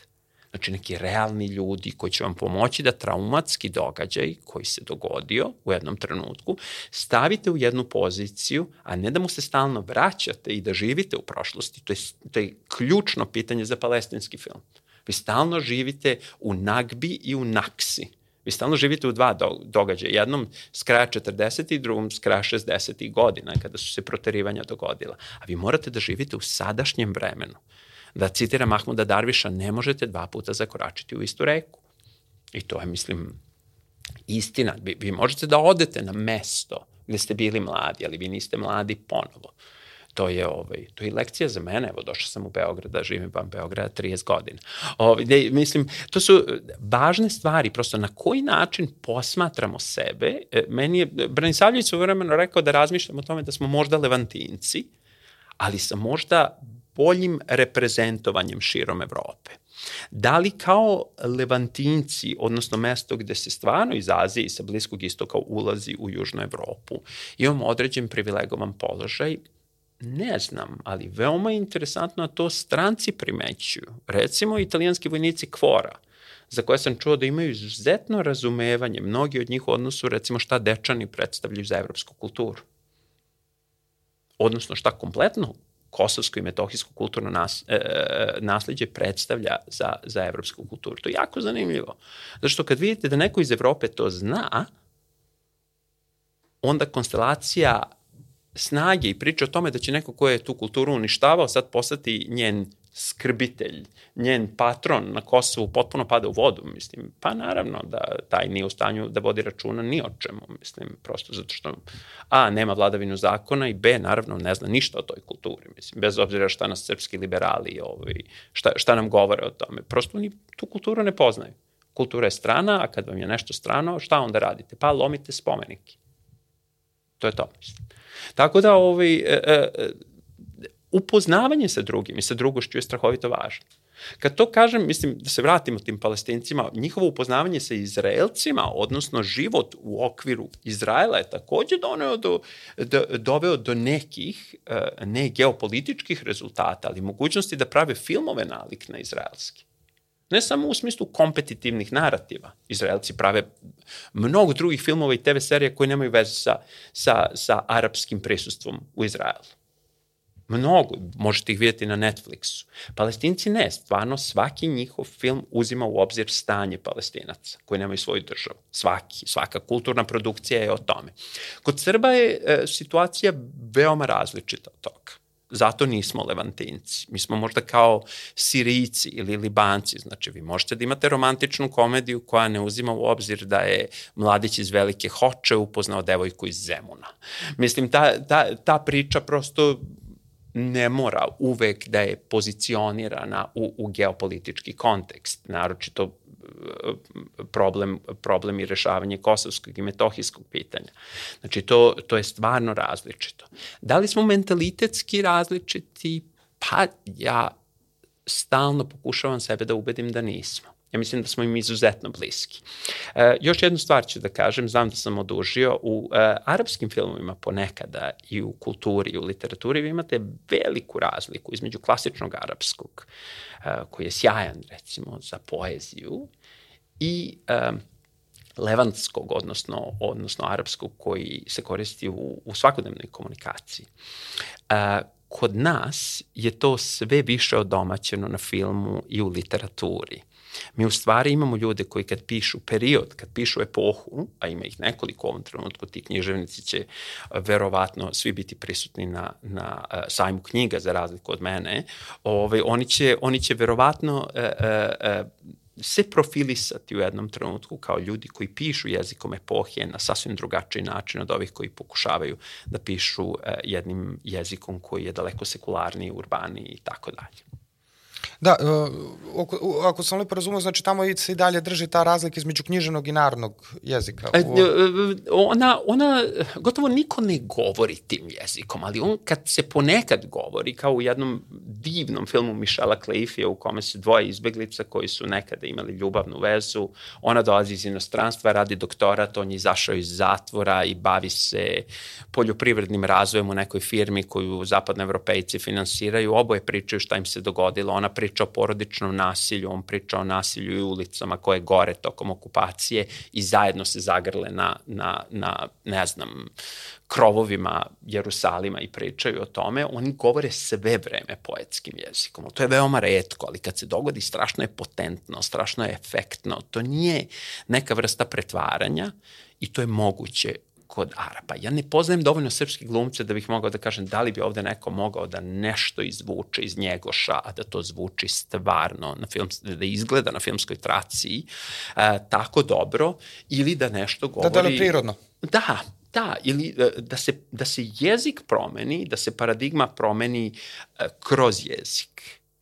Da se izrazimo postmodernim ovaj, jezikom, što je redko, ali može. Ovaj, kod njih je to moguće kod njih je to moguće. E sad, uh, pričali smo o Arapima, ali vi znate, poznajete dobro, uh, generalno mislim, sve taj južni pojas Evroazije, ali upoznati, se, upoznati ste i sa stanjem u Iranu.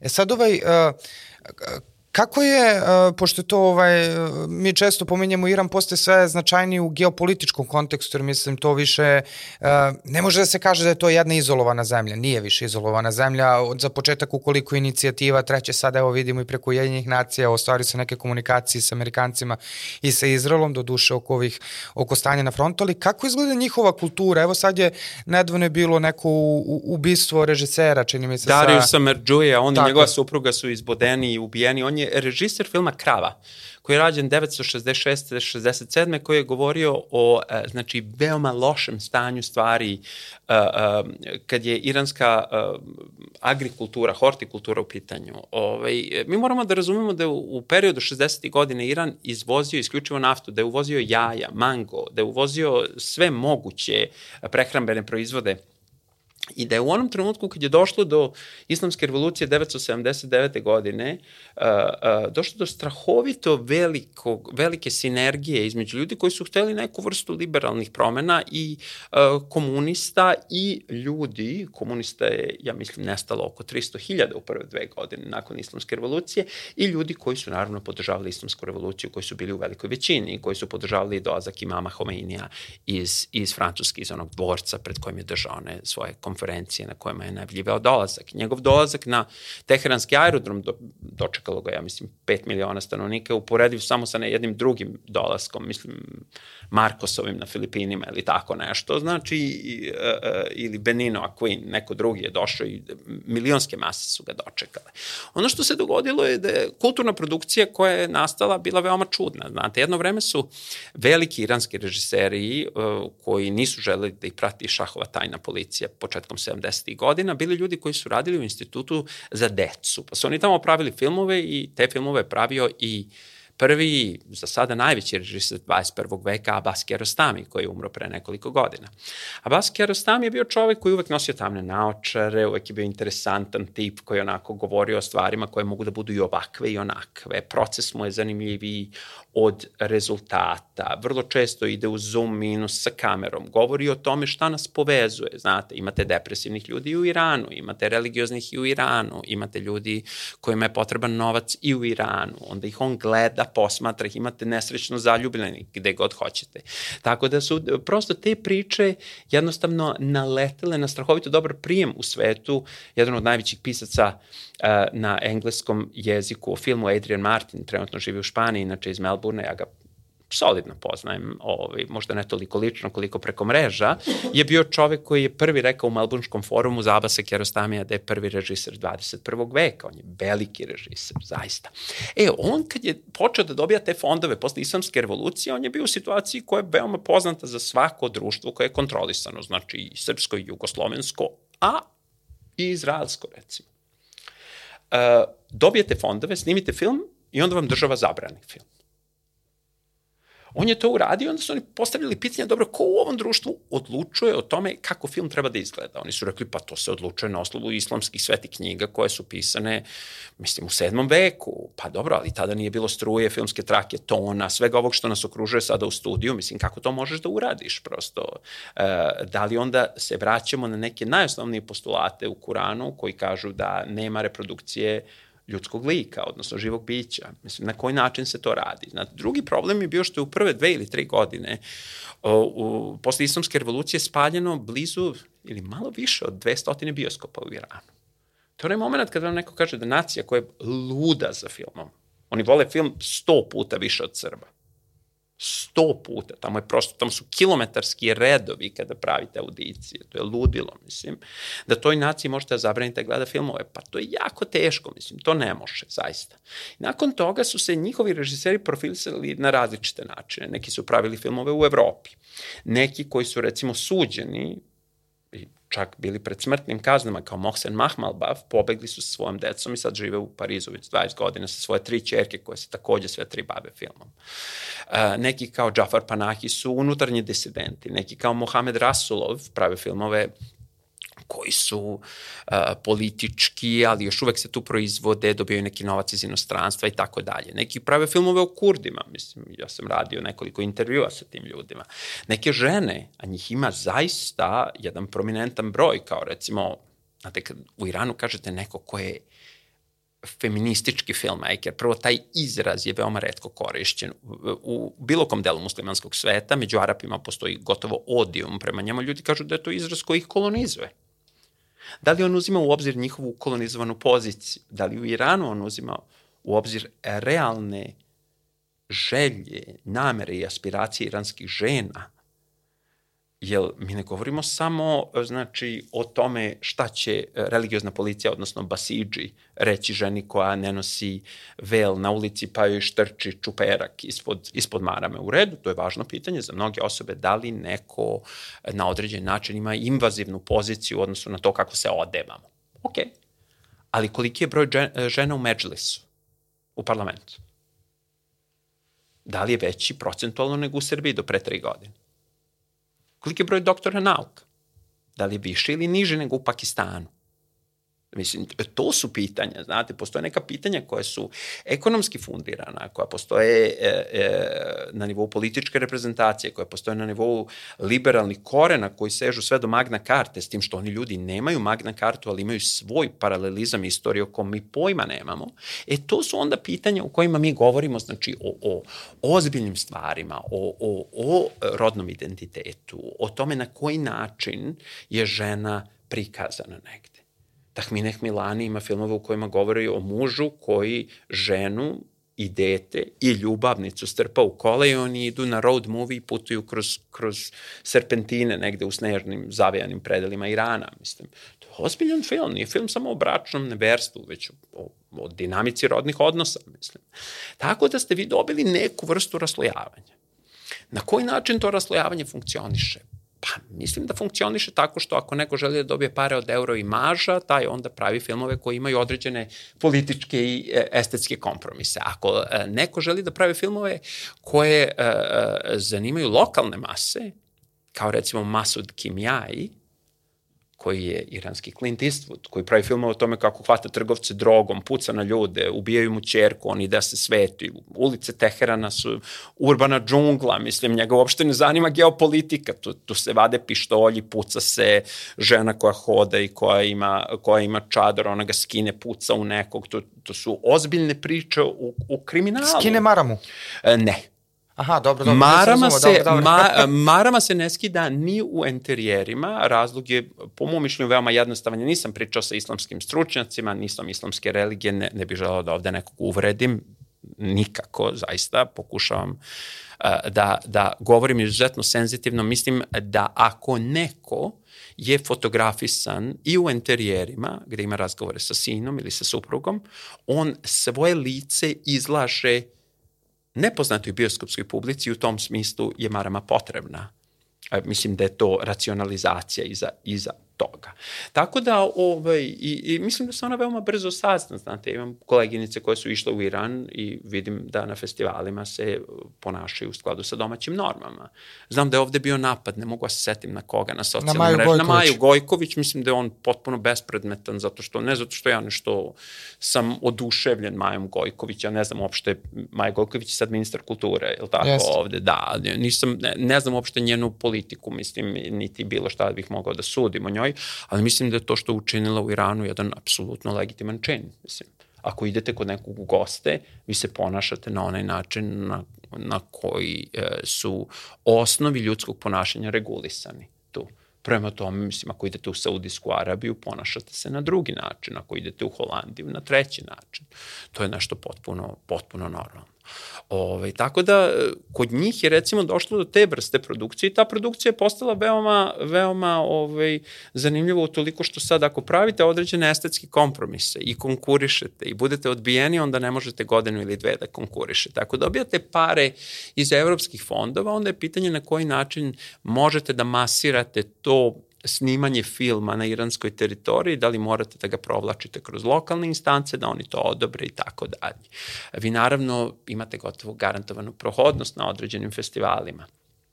Da li imate nešto u lokalnoj kulturi? Pa ne znam, ali evo, ja sam sa Markom u, u razgovoru a, a, a, pre emisije spomenuo da Iran, Južna Koreja, uh, Francuska, Nemačka imaju daleko veću procentualnu zastupljenost domaćeg produkta od recimo Srbije, nekad se kreće između 50 i 70 procenata kod njih, e, od recimo Srbije ili ne znam Rumunije ili Mađarske, to su daleko manje zemlje naravno, Ili recimo Australije. Razlozi su veoma jednostavni. Kod nas prosto ta e, strahovita meka moć koja dolazi iz zapadnih platformi i gledamo jako mnogo. Nije bitno da li u pitanju HBO, da li u pitanju ovaj, Netflix, ali gledamo jako mnogo platformi, a u, u anglosaksonskom svetu, koji jeste multikulturalan, ali u svetu kao što je recimo bilingualna Kanada, Australija, Novi Zeland, bilingualna Južna Afrika, e, Engleska, Amerika, nikad se više nije pravilo filmova i nikad se više nije pravilo filmova na engleskom jeziku. Prema tome vi prosto imate situaciju u kojoj ne možete sada u Australiji da tražite da je više od 3 ili 4 procenta domaćeg produkta zastupljeno uh, kada, uh, kada, kada se prave filmovi, oni traju u bioskopima dve do tri nedelje i to je veoma veoma teško. Evo moj student, Niko Zakis je napravio odličan film koji se zove, koji se zove uh, Exorcizam.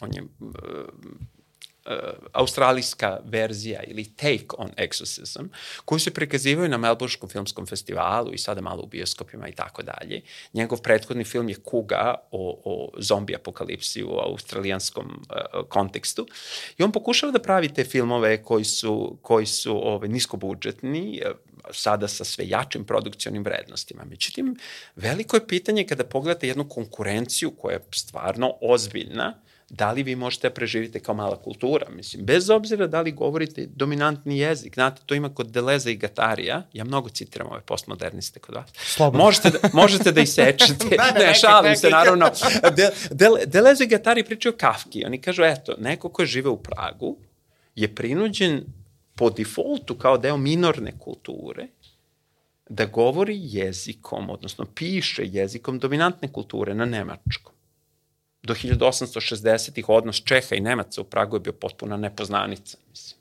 Ali već pisati na jeziku te produkcije je nevjerovatno. Zamislite kako, kako se to događa kada imate uh, novac uh, za kolor korekciju, za opremu, za direktora fotografije, za montažera, za sound design, za kompozitora i za glumce, ko, koji je to onda prosto konglomerat različitih faktora koji potpuno, potpuno ovaj, dovode u pitanje, ej, da li ćemo mi imati svoju kulturu? Prvo, svoja kultura više ne postoji u ovom svetu, zaista, ne samo iz političkih razloga, već iz razloga ozbiljnih demografskih, a, a, a, u, kako bih rekao, preplitanja, ali ta svoja kultura onda mora da odredi sobstvene prioritete To je jako važno, jer ako oni postoje i ako je nemoguće ne raditi u koprodukcijama, onda da vidimo o čemu će ti filmovi biti rađeni.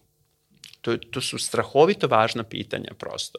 Ne, ne bih volio da sam pogrešno shvaćen. Ja stvarno smatram da će za pet ili deset godina biti potrebno da se ispriča priča o Šri Lančaninu koji je uh, vozio ulicom kneza Miloša.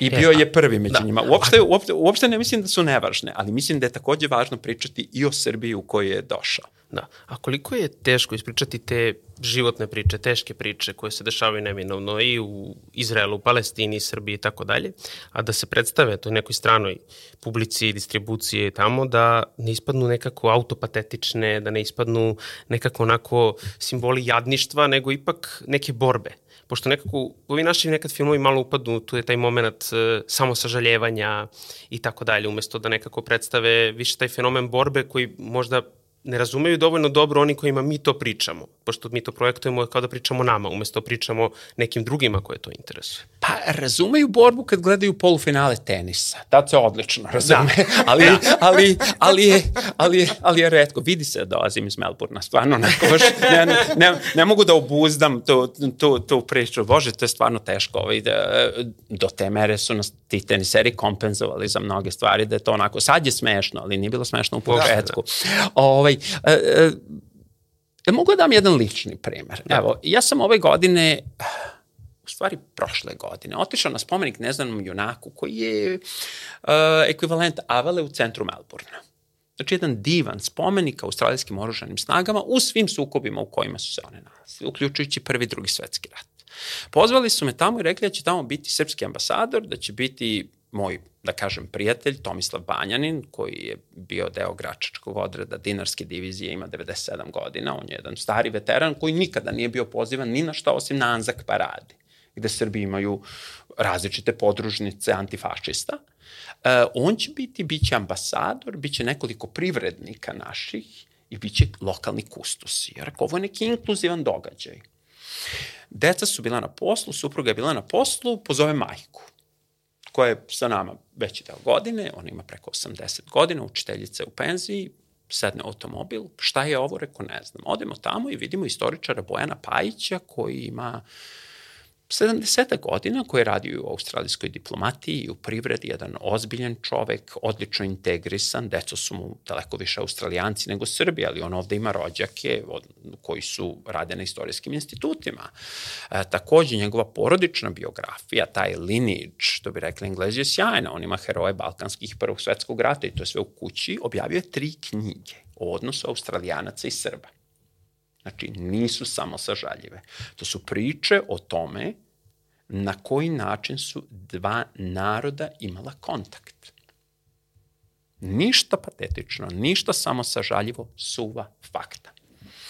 Ja sam se tada upoznao sa tom pričom i prosto pomislio čak i kako ovo nije bilo ranije pokrivano. Čuo sam ja za ovog ili za onog koji je bio, ali nisam znao kakvi su brojevi u pitanju. Kad smo stigli tamo, čovjek je održao govor, pokazao svoje knjige, pokazao artefakta, mislim, on ima postere, sablje, medalje. To je čudo, to je srpski narativ.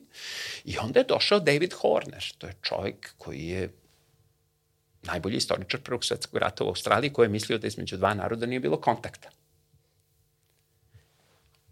Sada, sedam meseci kasnije, pošto me je Bojan pozvao da sa Draganom Gavrilovićem radim na tom projektu, iza nas stoje Australijska ambasada, Srpska ambasada u Australiji, spomenik neznanom junaku, znači 20 institucija, uključujući institucije veterana i 1200 potomaka. E, samo da ispričamo sad o tom projektu. Onda, znači, e, e, e, da. Taj projekat ja verujem da nije samo sažaljiv. To je projekat o tome da postoji nešto pozitivno u zajedničkoj istoriji. Na pravi strani istorije Uopšte nisam koristio reč suverenističko ili liberalno ili kako god. Nešto što je došlo iz dva ugla, što se negde ujedinilo. I to je sjajna stvar. Meni deca odrastaju u Australiji. Ja imam dvojno državljanstvo, kao i moja deca. Mislim, supruga je tamo odrasla. Mi prosto osjećamo potrebu da se umesto narativa o tenisu, o tome ko kako želi da kontroliše svoje telo i tako dalje, koje smo svi gledali u prošlih par godina, i o, o, o formulama za prikazivanje Srba iz 90. godina i svemu što smo gledali u balkanskim sukobima promovišu neki novi narativ. Ne moraju oni da su stalno o tome, znate, da li Đoković popravio servu. Može i o tome, ali uh, hajde da malo raširimo stvari i da vidimo ko tu postoji. Znate, ja sam ustanovio da je moj kolega Richard, koji je u penziji, da njegova baba bila prva žena hirurg operisala u Vrnjačkoj banji. On je sad drugi put bio u Srbiji.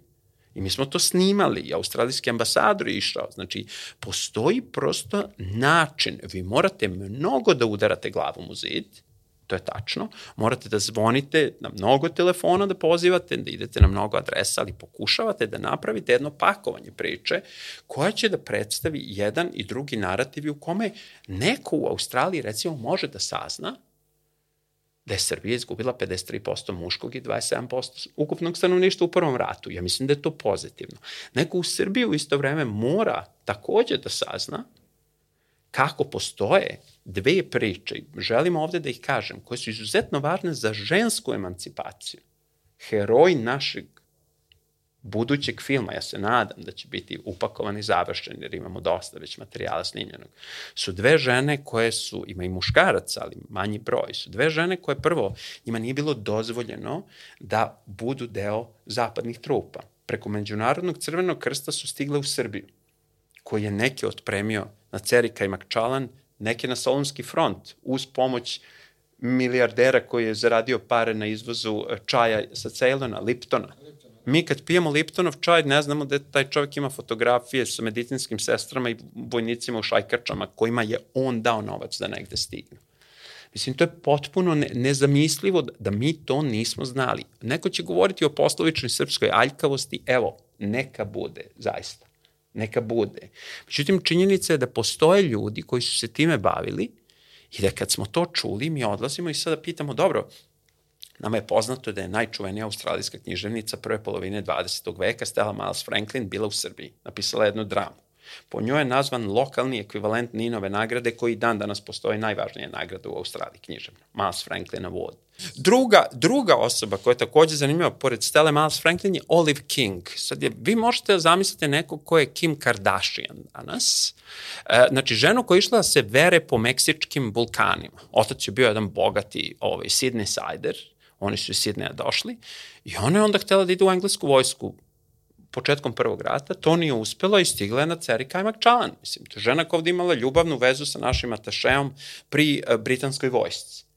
Njegovi su bili protiv, njeni su bili protiv mi odlazimo da snimamo njene dve grand nieces. Kako bi se to prevelo sa engleskog? To su uh, sestričine, ali to je, on im je bila baba, baba, baba, baba, tetka. Da, baba tetka. Ali da. kako se to kaže u suprotnom pravcu, to ne znam. sam Bog zna. Pa unuke, da, mislim, da, da, to, to, to dođu unuke, unuke, da, ali ne da. rođene unuke, nego unuke od, da. One, znači, pričaju o njoj koja se nikad nije udavala, koja je sa 55 godina htela da ide u drugi svetski rat sa znanjem automehaničara kojim su je naučili lokalni Srbiji, pa su joj rekli da je prestara, sa, oni pričaju o njenoj ljubavnoj vezi sa, sa, sa ovaj, tim Srbinom, kog je ona poslednji put videla 921. na svadbi kralja Aleksandra, na koje je fotografisala. Pa je sada ovdašnjem prestolonasledniku uručeno nekoliko fotografija, to ja nisam uradio, to je uradio Bojan Pajić. Ali hoću da kažem, to su osobe koje, dakle, imaju određenu prosto uh, uh, uh, uh, kako bi rekao, ima određen pedigre u lokalnoj kulturi, imaju strahovito zanimljive narative. Olive King, to je odličan narativ, kao Kim Kardashian da je išla da se bori za... Da, znači to je tako produkcija između upravo onoga što znači jednoj kulturi i drugoj kulturi ispovezuje se to nekako i saznamo neke stvari koje se ovde apsolutno ne znaju. To tih, znači, ajde kažem, kad, kad treba da izađe uh, film? Ajde. Znate šta, mislim, film je novac, tako da, da ja, ja dok ovo pričam, ovaj, pokušavam da razgovaram sa ljudima u Srbiji, sa ljudima u Australiji. Mi pravimo uh, možda dvadesetak aplikacija za to. Imamo strahovitu verbalnu podršku, imamo čak i mogućnost da a, a, a, na spomeniku neznanog junaka imamo premijeru tamo. Što je a, velika čast i velika prilika da razgovaramo o nečemu što je važno. Imamo i ljude koji nam se javljaju iz Brisbanea, iz Sidneja, imamo i tu organizaciju koju je Bojan napravio, koja ima veliki broj znači, potomaka, uh, koji su možda uh, nisu u mogućnosti da daju novac, ali sigurno stoje iza, iza projekta. Kad se govori o tome, znate, e, vi imate na, na formativnom planu najrazličitije vrste cross-polinacije između kultura. Kao francuski žanrovski krim film je sličan američkom, pa su se oni stalno nekako mešali još od 60. ili 50. godina, pa sve do danas. Mislim, filmova sa Bruce Willisom od pre 10 godina koje su režirali francuzi i tako dalje. Znači imate tu vrstu cross-polinacije, ali cross-polinacija kroz istorijske paradigme, mislim, šta nam se zajednički događalo, je vrlo jednostavno ako gledate Srbe i Francuze, recimo Srbe i Grke, Srbe i Rumune, Srbe i... Uh, ili neke koji, koji su pitanja prosto kolonijalne okupacije tipa uh, Otomanska imperija posle Tanzimata ili Austro-Ugarska imperija, kako u Srbiji, tako, tako i u Bosni. Ali kad govorite o ovakvim stvarima, one su, po mom mišljenju, veoma važne zbog toga što se o njima apsolutno ništa nije znalo. A mi stvarno pokušavamo da dignemo svest ljudi i da kažu, ok, mislim, a, a, priče o Srbima u Australiji ili o Australijancima u Srbiji, što je još interesantnije, zato što ljudi kao kojim australijancima? Mislim, oni misle da je diplomatsko predstavništvo jedino. Ne, o ljudima koji su dolazili ovde 915. 16. i koji su prosto znali nešto o ovom narodu. Znate, pred nas su te unuke iznele jednu knjigu koja je onako, mislim, ukoričena i u kojoj je neko pisao pesme u Dubrovniku 921. godine koje su bile kucane na nekoj staroj pisaćoj mašini i verovatno vađene uz indigo i kako. To je pisala Olive King. Ona je napisala pesmu koja se zove Ispod daleko kajmak čalana. Mi smo tako radno nazvali film. To je, mogli smo napravimo ljubavnu priču. Ona je možda sa tim našim čovekom išla u Dubrovnik, inkognito. Ko, ko će to znati, mislim. Ove, ovaj, um, taj Dubrovnik je jako zanimljiv. Moja baba je bila ovaj, šegrt uh, u porodici Duška Popova, James Bond. Mm -hmm. Tako da je, da je i, i njegova porodica je često išla u Dubrovnik, znači to majka koja je bila jako lepa žena, ovaj, uh, u Francuskoj ulici je bila, to je vrlo zanimljivo, da. ovaj, baš njihova radnja. Ali e, šta hoću da kažem, ta, ta priča o tome da je neko dolazio, da se neko upoznao sa srpskom kulturom i da te unuke liju suze u potocima kad pričaju o njenoj i o tome koliko je ona ovdašnjim ljudima, skromnim seljacima koji su se borili u prvom ratu, dala svoje srce i koliko je volela ovaj narod i koliko uprkos privilegovanom backgroundu nikad njih nije posmatrala sa neke visine, kao što to čine srpski liberali u sred Beograda koji nemaju druge krvi osim ovdašnje. E, to je nešto što vas stvarno vrati u jednu poziciju da ne samo sebe cenite. Znam ja i zašto zašto imam određene zamerke prema Srbima i zašto imam i određen ponos što sam Srbin i to nije ništa posebno. To je pitanje svakog identiteta. Prosto već jedno uravnoteženo, izbalansirano posmatranje istorije, identiteta i nekog trajektorijuma koji smo prešli. Ali e, sad kad se, kad ste spomenuli ovaj, sve to i, i, i te, kako bih rekao, te cross-polinacije o kojima ste govorili, to sad imamo ovaj, jednu kulturu koja je sama po sebi cross-polinacija koja pokazuje u izvesnom smislu potentnost da parira ovoj fabrici snova američkoj, a ovaj to je Bollywood, indijska kultura i vi ste, aj tako da kažem, znate, ko, sarađivali ste u okviru tog sistema sa ljudima koji su radili u tom sistemu. A, pričali smo, pošto smo pričali sad pre emisiji o Kini i želim i to, ako, ako nam vreme dozvoli bar malo da se očešemo to, ali nekako e, se čini da, jer glavna razlika između Kine i Indije je to što Kina nekako, da li ne želi ili nema prostora da projektuje meku moć, a čini se sa druge strane da Bollywood osvaja zapad, mislim i, i ovaj i to evo meni lično kad gledam prvo mi bude malo čudno, ali uhvati na kraju to. Ima to nešto što me uhvati što me onda zadrži na tom na toj bollywoodskoj produkciji koja je poprilično različita verovatno zbog kulturnog konteksta od svega na što smo navikli da gledamo. Kako je vaše iskustvo iz Bollywooda? Pa evo ako vi dođete u zemlju koja ima 27 jezika i sletete u grad u kom sam ja proveo mesec i po dana dve nedelje uvek, u tri navrata, koji ima 27 miliona stanovnika. To je Maximum City, Mumbai. Znači, uh, formerly known as Bombay. Tako da je, ovaj, to je veoma zanimljivo kad stignete tamo. Prvo, mi smo bili, uh, mi smo tamo odlazili preko jednog australijskog fonda koji je bio fenomenalan. On se zvao Fond za opismenjavanje Azijom. To, to je nešto božanstveno. Ja kad sam to otkrio, počeo sam da pišem te aplikacije i prosto sam uživao sa jednim kolegom koji je ugostitelj, predavao ugostiteljstvo na, na fakultetu, uh, uh, uglavnom uh, uh, hotelijerstvo i tako dalje. On je smatrao da odlasci u Kinu i Indoneziju su važni, ali u jednom trenutku išao u Indiju, a meni je sama ideja da smo upoznali ove ljude iz te organizacije, koje sad uglavnom u Nepalu, u Vijetnamu i tako dalje, bila zanimljiva prosto zato što sam otišavši sa australijancima tamo, uvek sam vodio po 10 studenta, imao priliku da i sam doživim jedan kulturni šok, mislim, vi sletite na aerodromu, to je sad nešto 32 stepena, prvo vam daju vodu, prva stvar kad idete do hotela je to da vidite da neko daje novac policajcu negde za saobraćenje, zna, i vidite da postoji i korupcija i prljavština, ali društvo neverovatno bogato i da društvo ima takvu kulturnu hibridnost koja je nezamisliva potpuno. Ja imam mnogo indijskih prijatelja u Melbourneu, jako volim indijsku klasičnu muziku, jedan od njih je svetski poznati ovaj, uh, izvođač na tabli, tabla je timekeeper, to je, to je ovaj, uh, um, neka vrsta ritma. Volim i sarod i, i sitar i tako dalje, volim i južnoindijsku muziku, ovaj, koju, koju pevaju njihove, njihove pevačice. Volim i La, Lato Mangešku, koja je najveći izvođač bollywoodskih pesama, nedavno je umrla u 90. nekoj godini, čije uh, bukvalno uh, uh, u prirodnoj veličini postere možete nađete u indijskim bioskopima. Znači, uh, to je jedna kultura u kojoj recimo do skora uh, ste imali uh, jasnu predstavu o tome kako se snima indijski film. Znači, vi kažete um, Svaki indijski film traje između 2 i 3 sata, svaki od njih počinje koji se prikazuje u Mumbaju intoniranjem državne himne, gde svi ustanu i u 9 ujutru na himnu.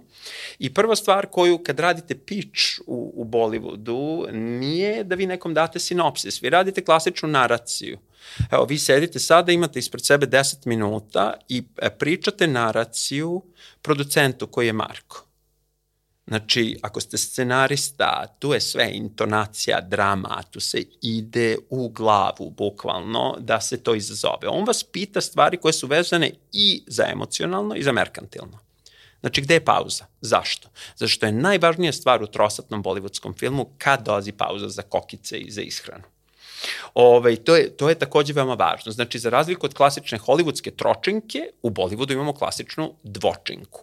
Njihovi filmovi su sve kraći to su art house filmovi, ali klasični filmovi sa četiri ili šest muzičkih sekvencija od kojih se svaka snima dva dana, oni povećaju budžet, povećaju marketing, povećaju pristup marketingu, jer vi puštate muziku pre filma, nekoliko nedelja ranije na radio stanicama da se ljudi na to naviknu. Znači, do koje mere je muzika isključivo vokalna izvođačka, kada postaje instrumentalna kao što je u zapadnom svetu, gde ne morate da imate vokal, na koji način vi to plasirate, ko peva, jer onaj koji peva ne mora nužno da se pojavljuje na ekranu. Mi smo pričali sa, recimo, ljudima koji su radili sa Latom Angeškom. Ona je radila samo sa jednim mikrofonom u studiju. Znači, ceo orkestar stoji za nje, ona peva, prilazi mikrofonu, orkestar napravi dva koraka unazad, onda orkestar dolazi za instrumental, ona se vraća. Ja pitam Tonca kako je to bilo, kaže, uvek mi je davala dve prilike da snimim. Zato što i Lata može da napravi grešku, ali samo jednu grešku. Ovaj, tako da prosto postoji jedna strahovita hijerarhija tih odnosa. Ja sam uh, za svoje studente i za njihove potrebe imao privilegiju da radim sa dvojicom. Hans Almehta je čovek koji se bavi i temama koje su izuzetno woke, izuzetno liberalne, znači recimo odnosu, odnosom hindusa i muslimana uh, recimo LGBTIQ temama na univerzitetskom kampusu u filmu Aligarh, ali isto tako i klasnim temama, znate, čovekom koji odluči da opljačka bankovno vozilo zato što je siromašan i dolazi iz ne znam, severne pokrajine, odakle dolazi iz Bihara ili tako negde ovaj, koji dolazi u Mumbai i prosto odluči da se bavi drugim stvarima. Znate, vi imate u Indiji jedan, jedan nevrovatan odnos tog liberalnog, oni o sebi i dalje govore kao demokratskom društvu. Imate kastinski sistem koji je strahovito divizivan i nemoguće ga je prosto potpuno poraziti. On je strahovito opasna stvar, zato što imate ljude koji uprkos određenim privilegijama i mogućnostima za vertikalni mobility, za vertikalni protok i dalje ostaju tamo gde im prezime govori moj prijatelj Giriš Makvana je tkač. Oni znaju da je moja porodica pripadala tkačima. Znači on nije, nije u prve dve prosto nije među oficirima, nije među trgovcima, nije među sveštenicima. Znači, prosto vi imate situaciju da ako pripadate širokom polju nedodirivih, da su vaše socijalne mogućnosti smanjene. Znači, postoje te stvari, postoje jezičke stvari, postoji interna, uh, interni etnički animozitet koji nema veze sa činjenicom da kada uđete u najveći ovaj, slam na svetu, Daravi, koji ima milion i po stanovnika u Mumbaju, vi vidite sada naranđaste hindu zastave iz zelene muslimanske zastave i neko vam kaže ovde je spaljeno živo hiljadu i po ljudi te i te godine u, u pogromima i, i u ovaj, interreligijskim sukobima. Ne, vi ste to imali u Mumbaju isto tako između ljudi koji, iz lokalne, koji su iz lokalne države, Maharaštre, čiji je glavni grad Mumbai, i iz Guđarata, čiji je glavni grad Ahmadabad na severu. Znači imate i tu vrstu etničkih prosto sukoba između samih Indusa. Tako da njihova kulturna produkcija koja ide u svet, ona pokušava da prodaje stvari koje na nekom opštem nivou svako može da prihvati. U smislu, indijska kultura ima mnogo boja. Mirisi su dominantni u indijskoj kuhinji. To je vrlo simplifikovano i to važi za sve, mislim, od Bihara do dole. na, na samom jugu indijskih država do, do Tamil Nadua. Znači, vi imate prosto mogućnost da ste po toj vertikali predstavite svetu i da kažete, ok, uh, uh, Indija postaje jedno novo sedište te meke moći. Ona je i sedište meke moći već po tome što 120, 140 hiljada ovaj, IT stručnjaka je putovalo maltene na, na svake dve, tri godine iz Indije i Pakistana, kako za Ameriku i Kanadu. Vi na, na aerodromu u Torontu vam govore na engleskom, mislim na francuskom i na punđabiju na Punjabiju se govori potpuno normalno, najavljuju se letovi, mislim, i tako dalje, kao da je lokalni jezik. Ja sam to čuo od nekoliko, nekoliko ljudi. U Melbourneu je 90% taksista su indijci. 90% od njih najbolje možete da saznate kad su pale cene puteva za, za Indiju. To će bolje oni da vam kažu nego agencija, mislim. Tako da, de, de, njihova meka moć postoji. Šta se prodaje zapadu? Pa, mislim, prodaju se stvari koje su inkluzivne, nisu one uvek kao filmovi sa Julian Roberts koja dođe na Bali, ono, live, love, enjoy, onako sve da je samo da je mirno i da je zdravlja i da mi meditiramo. Nije, nije, Kao nisu, reklama za Rafaelo. To, to, to, to, to, to. Znači nisu, nisu, nisu uvek u, u, u tom smislu uh, uh, površni ili da govore o ljudima koji ne mogu da reše svoje probleme u Bostonu ili u Barceloni pa su odlučili da odu ovaj, u, u Bombaj i, i da, da im tamo sunce sine, onako. Ne, zaista ima i, i zanimljivih uh, i teški za produkciju e, stvari koje, koje, koje tamo postoje, e, gde oni pokušavaju da govore o sebi, o svojim problemima. Oni su ekonomija u razvitku, znate, jako mnogo mladih ljudi tamo radi. Ja to sve više vidim u Srbiji, to cenim jako, kad vidim da mlad čovek na neki način može da balansira i rad, što dolazi iz nasušne potrebe, iz gladi, iz potrebe zaista, i akademske, znači i da uči i da radi. To je strašno teško strašno teško, ali e, je dobra stvar zato što osoba može da organizuje vreme, razume tržišne odnose, razume da nešto ima cenu, uključujući ljudski rad. Oni i to prodaju, ali naravno predominantno je taj kulturni šok. Kad vi sad vidite da se ručak um, um, nosi na 700.000 adresa u Mumbaju svakog dana i vidite da je neko zamenio te posude, onda to postaje priča koja je zanimljiva zapadu. Zašto se to radi? Da li oni štede? Jao, vidi, ovo deluje ukusno, a tu je se stvorila i neka ljubavna priča. Opasno romantizovanje indijske kulture, idealizovanje, kao i svako idealizovanje svaka nostalgija, loše. Ali oni sigurno rade daleko više na tome. Kinezi, da odmah pređem na drugi deo pitanja, su daleko kompleksnija priča, jer Kinezi imaju prosto tri kinematografije o kojima razmišljaju na tom nivou kompleksnosti. Jedna je kinematografija Hong Konga koja je jezički raspoređena na oko 70 miliona ljudi koji govore e, kantonškim. Druga je Potonghua, odnosno mandarinski koji govori 1,1, 2, 2, 2 milijarde ljudi. I treća je naravno kinematografija Tajvana, mislim, gde se takođe nalaze kinezi. Mi veoma redko čujemo tu reč, ali etnički oni možda jesu različiti, oni, oni ne predstavljaju Han kineze, ali predstavljaju deo kineske kulture.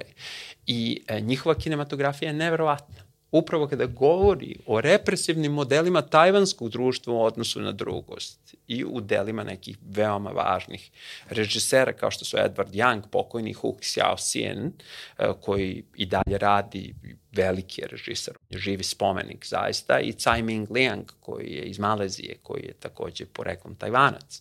Što se mainland Kine tiče, ona pokušava da na određen način kroz platforme inkorporiše sve što je Hong Kong ostvario u, u periodu kolonizacije. Tako da je veoma interesantno, već pre deset godina su izlazili super popularni hongkonški glumci koji su na primanju nagrade u Hong Kongu počeli da govore mandarinski. To je bio znak inkluzivnosti u odnosu na velikog komšiju koji u stvari jeste mi.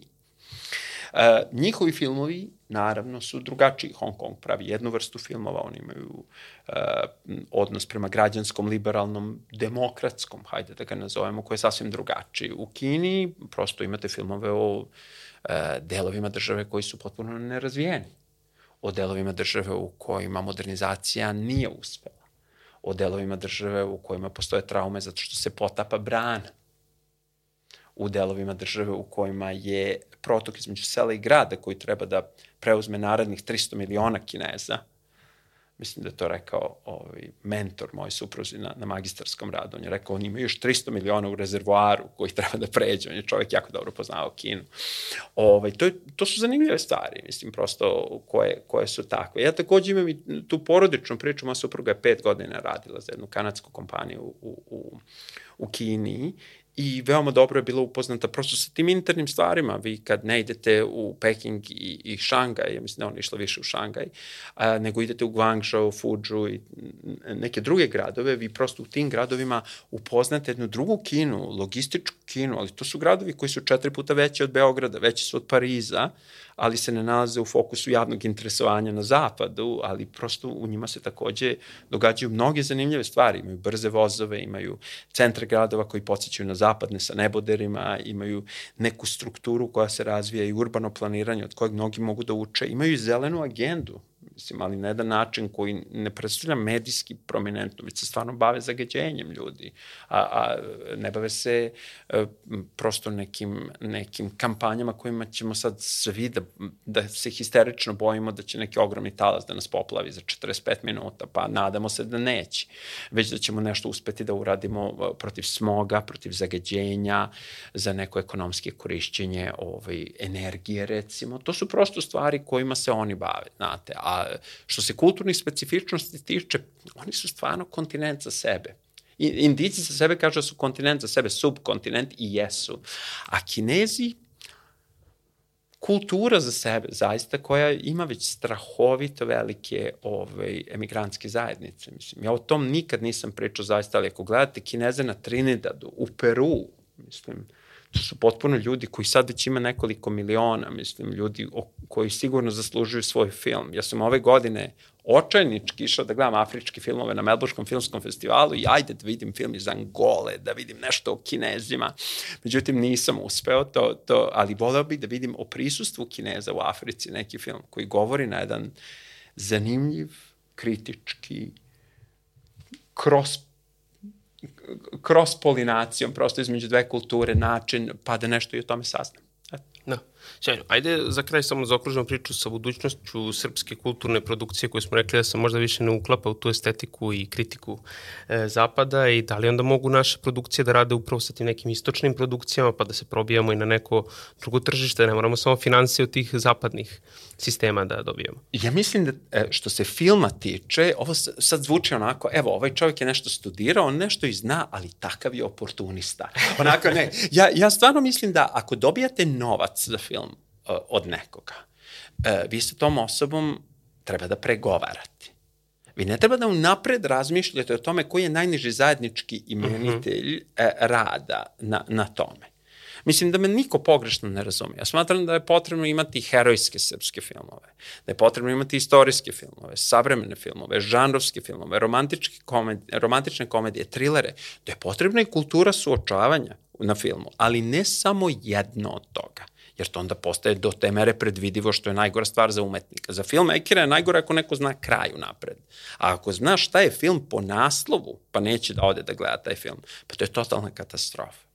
Ta film možda može da ima garantovanu distribuciju iz političkih razloga, ali opet i tamo ga niko ne gleda.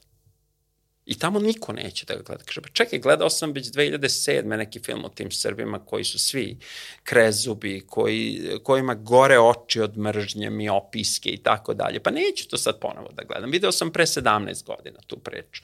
I to je stvarno problem, znate. To je isto kao kad prosto gledate rasističke stereotipove. Neću sad da govorimo o srpskim karikaturistima. Nekih zaista ih, ih forsiraju, nekih ne forsiraju. Ali recimo ti e, e, koji su projektovani na lokalnu kulturu, oni ne postižu ništa. Dobijanje novca uh, Dobijanje novca na istoku, ja znam da ima nekoliko naših glumaca koji rade u Rusiji, ali dobijanje novca na istoku u Kini je ključna stvar kroz državne institucije. Ja ne znam na koji način Kinezi posmatraju našu filmsku industriju. Evo reći ću vam, pre nekoliko godina sam ovo sad prvi put kažem, sa Goranom Radovanovićem, pošto nas dvojica mnogo radimo i prijatelji, smo napisao ovaj, aplikaciju za za jedan kineski konkurs ovde i mislim da smo dosta dobro prošli, ako nismo bili prvi, bili smo prvi ili drugi, o priči o Bori Milutinoviću. Bora Milutinović je Goranov dobar prijatelj, znaju se dobro, videli su se par puta u životu, mislim čak i u Dubaju, u Dohi, i onda nam je bilo interesantno to što su njega kinezi zvali čudotvorac, jer on je stvarno prvi i jedini put njih odeo na svetsko prvenstvo. I hteli smo da napravimo priču o, o, o tome, mislim, Bora je rođen na Drini, ta braća Milutinović, oni stvarno bude imaginaciju ljudi ovde, prosto oni su veliki sportski heroji ovde, on je vodio četiri reprezentacije na četiri svetska prvenstva. I u jednom trenutku mene Goran pita, pa tebe stvarno zanima sport? Rekao, mene bi stvarno zanimalo da radim nešto u sportu. E, baviti se e, politikom, baviti se odnosom e, umetnika, pojedinca i... Relacijama sile. relacijama sile. Čovjek u jednom trenutku pomisli, je, čekaj, mislim, koji, koji otklon možeš da imaš kad govoriš o čovjeku koji je ostao bez roditelja tako rano, koji se borio kroz život, koji je otišao u inostranstvo, oženjen je španjolkom, znači on ima, on je stvarno građanin sveta, znate, on je simbol otvorenog društva. Ja volim da taj izraz koristim u pravom kontekstu. On je otvoreno društvo, Bora Milutinović. Znači, to, to bi me zanimalo. Znači, neko ko stvarno posmatra drugost na jedan način koji je bez predrasuda. Pa zar to nije lepo? E, to pronaći negde, naći neko ko je zainteresovan ne samo da dekolonizuje naš narativ, mi smo sad svi načisto, to dete od 15 godina, vozač autobusa i taksista u Beogradu mogu da vam objasne, uz false flag operacije i sve drugo, oni su majstori za to, zaista to svi znaju. Nego naći nekoga prosto ko, ko će da vam kaže, ej, ovaj, i onu drugu kulturu zanima da se ti predstavljaš onakvim kakav jesi zato što to podrazumeva da ćeš i njihove priče o samima sebi prihvatiti, što kaže Frank Zappa na najbolji mogući način, a on kaže mozak radi najbolje kada radi kao padobran, kada je otvoren. To je to. Dakle, može da se dobije i prvo mesto i u kineskim fondovima. može, taj film nikada nije realizovan, ali uh, um, važno je razmišljati o tome šta, šta funkcioniše da. kod njih. Nije samo Walter. Da, okej, okay, da, Walter. Jasno. Super, sjajno, hvala puno. Imamo Hoćemo, na kraju... Da, uh, za da. kraj ovaj, uh, naša standardna tri blitz pitanja. Da imate vremeplov koju biste istorijsku stvar promenili ili koju biste eventualno istorijsku ličnost voljeli da upoznate?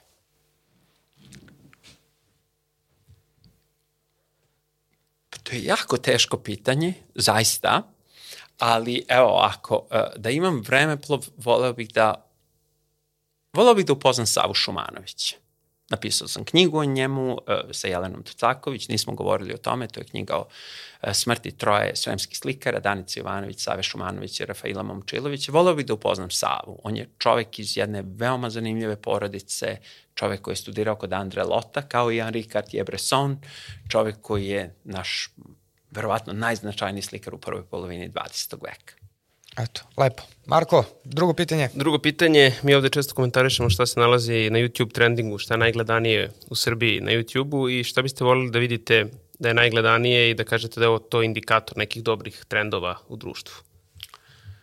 To je teško pitanje zato što kao emigrant ja stalno i kao uh, relativno mator otac, relativno mlade dece, stalno gledam srpski sport ovde. To je potpuno, mi stalno gledamo futbal na YouTube-u, a nekad gledamo i stari futbal. Ali voleo bih, uh, voleo bih da vidim uh, da ljudi, naročito ljudi koji uh, uče o filmu, recimo, eto, o tome je bila gotovo cela ova emisija, uh, da budu zainteresovani za ono što se danas smatra domenom kinoteke Nisam ja nerealan pa da kažem treba da gledaju intervjue i filmove o Tarkovskom i Bressonu, ali da se malo kroz YouTube, kroz kratke isečke upoznaju sa radovima ljudi koji su jednu umetnost koja je možda na izdisaju, koji se možda čita opelo, to je film, upoznaju bolje, da shvate zbog čega jedan format koji je počeo 920-ih u Hollywoodu od 2, 4, 6, 8 i 10 je tako dobro postojao punih 100 godina, da to razumeju, da ne traže mini serije od 8 minuta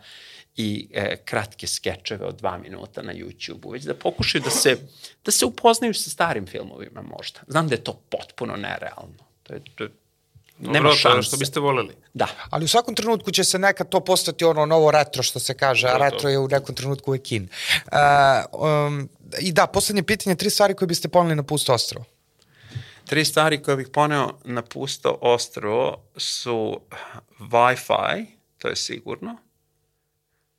Uh, verovatno bih poneo jednu knjigu. To bi bilo nešto ili od Antona Čehova ili od Davida Memeta.